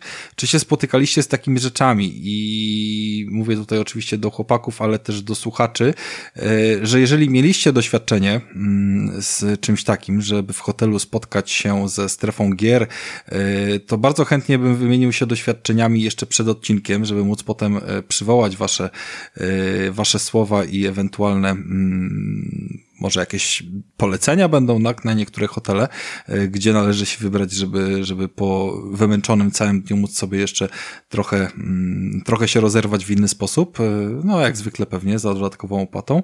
Y, Więc ja te swoje doświadczenia przytoczę gdzieś tam w przyszłości, a jeżeli mieliście okazję spotkać się z tym, żeby jakiś hotel w dowolnym miejscu w naszym kraju, a może i za granicami miał przygotowane coś takiego z prawdziwego zdarzenia, to dajcie znać, odezwijcie się do nas na privie i, i pogadamy o tym, e, żeby, żeby zrobić jakiś fajny materiał na odcinek. E, może nawet uda się zrobić tak, że, że właściciela tego punktu zaprosimy na odcinek jako gościa, bo też z nim jestem w kontakcie. No fajnie. No, to, to, tyle, to tyle ode mnie, jako taka mała zapowiedź i zachęta, a teraz chyba co? Dobranoc. E, z, tak. E, lądujemy e, na lotnisku w Modlinie. E, słuchajcie, e, więc kończymy 185 odcinek. Standardowo e, wchodźcie na bezimienny.pl, tam wrzucamy odcinki. Poza tym poza tym jesteśmy na Facebooku, grupa, grupa facebookowa bezimienny e, podcast, e, plus nasz, na, nasz fanpage. Słuchajcie, słyszycie nas na, na Spotify'u, na, na Apple'u, na różnych e, podcast, e, aplikacjach podcastowych, plus oczywiście e, jesteśmy też na YouTubie. E, mamy też swojego Instagrama, mamy też Twittera, więc bezimienny podcast tam jest. Rafał, my mamy TikToka? Miałem się w ogóle ciebie spytać. Mamy TikToka, którego założyłem jakiś czas temu. Wrzuciłem nawet kilka jakichś filmików. E, Aha, Faktem czyli... jest, że TikTok, tak, mamy TikToka i oczywiście jako bezimienny podcast go znajdziecie. Mm, w sumie to jest dosyć fajna platforma, jakby pod kątem swojej konstrukcji, żeby, e, żeby tam się odnaleźć i muszę przyznać, że Mile jestem zaskoczony algorytmami, które kierują e, materiałami, które tam są wrzucane, bo kwestia obserwowania kogoś to jest tylko jeden z wyborów, a zdecydowaną większość czasu zabiera po prostu wykorzystywanie algorytmu tego TikToka, który podrzuca e, właściwe materiały względem tego, co lubimy. I słuchajcie, nie ma dwóch takich samych TikToków w kontekście odbiorców. Y, każdy w kontekście tego, co lajkuje i co ogląda i przy czym ile czasu spędza, będzie miał oferowane inne materiały. Ten algorytm naprawdę Chińczycy zrobili świetny. Y, mój TikTok łapie, znaczy mój, nasz de facto, tak, bezimienny, łapie tak wspaniałe gamerskie materiały i jest całkowicie innym, e, inną aplikacją niż, niż tą, którą potrafię zerknąć u znajomych e, w kontekście tego, co oferuje, że w sumie warto to zainstalować i zobaczyć sobie różne głupie rzeczy, które tam ludzie robią w kontekście y, graczy. Ostatnio zauważyłem, że jest moda na filmiki związane z odpalaniem w nocy konsoli w momencie, kiedy y, na dźwięk tej odpalanej konsoli żona, tudzież kobieta, partnerka się wkurwia i zastanawia mnie jedna rzecz te wszystkie filmiki zawierają dźwięk odpalanego Xboxa. Żadna kobieta nie wkurwia się na odpalaną playkę. To z tym was zostawię do przemyśleń na noc. E, ciekawa sprawa. E, dobra, słuchajcie, więc e, kończymy 185 odcinek. Mamy już grubo na czasie. Ja, wam tylko powiem, że pewnego dnia odpalam sobie Frostpunka. Pewnie kojarzycie tą grę. Słuchajcie, zrobiłem 5 godzin pod rząd z przerwą na jedzenie. Tak się wciągnąłem. Jest to, to tak dobre. Mówiłem, jest, Mówiłem, jest po wspaniałe. prostu piękne, ale później jest, jest syndrom odstawiania. Nie, nie syndrom odstawiania. W drugą stronę. Później ja muszę zrobić sobie dłuższą przerwę, bo po pięciu godzinach, jak mi się nie, nie udało, to nie mam już zamiaru do tego wracać przez dłuższy czas. Bo to jest jednak dużo, to jest jednak dużo. Nie, to a... jest depresyjna gra. To, nie, to jest gra, która potrafi cię strasznie zdołować, więc tu musisz mieć dobre nastawienie. Ja Tylko bardzo... nie, bardziej mi chodzi, Rafał, że to jest survival, przechodzisz albo nie, nie udało ci się, to znowu przez te 5 godzin będę robił w sumie podobne rzeczy, aż dojdę do tego momentu, gdzie byłem. I, no chyba, że save'a zrobisz sobie droga. po drodze. To jest też jakieś rozwiązanie, tak? A Żeby... można po drodze zrobić save'a? Można. Ale w sensie. Z tego co pamiętam. Ale, ale to nie ma z tego, sensu. co pamiętam. To jest survival. Znaczy, to nie ma sensu. Znaczy, trochę tak, ale z drugiej strony, jeżeli masz pierwszy fragment jakiejś rozgrywki, tak jak powiedziałeś, no 5 godzin to jest taka jeden scenariusz, jakaś jedna mapa w, w rozpanku.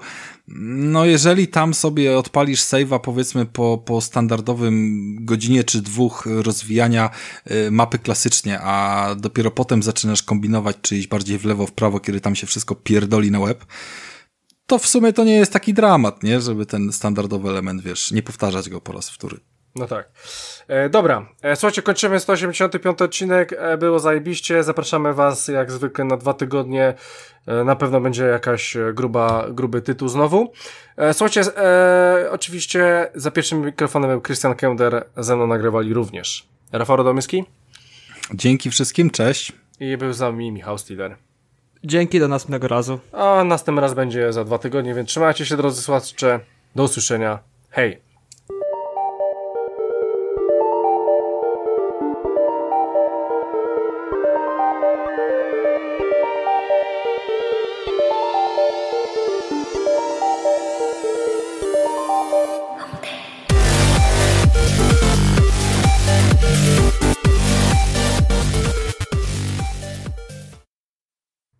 Kurwa, jak dużo.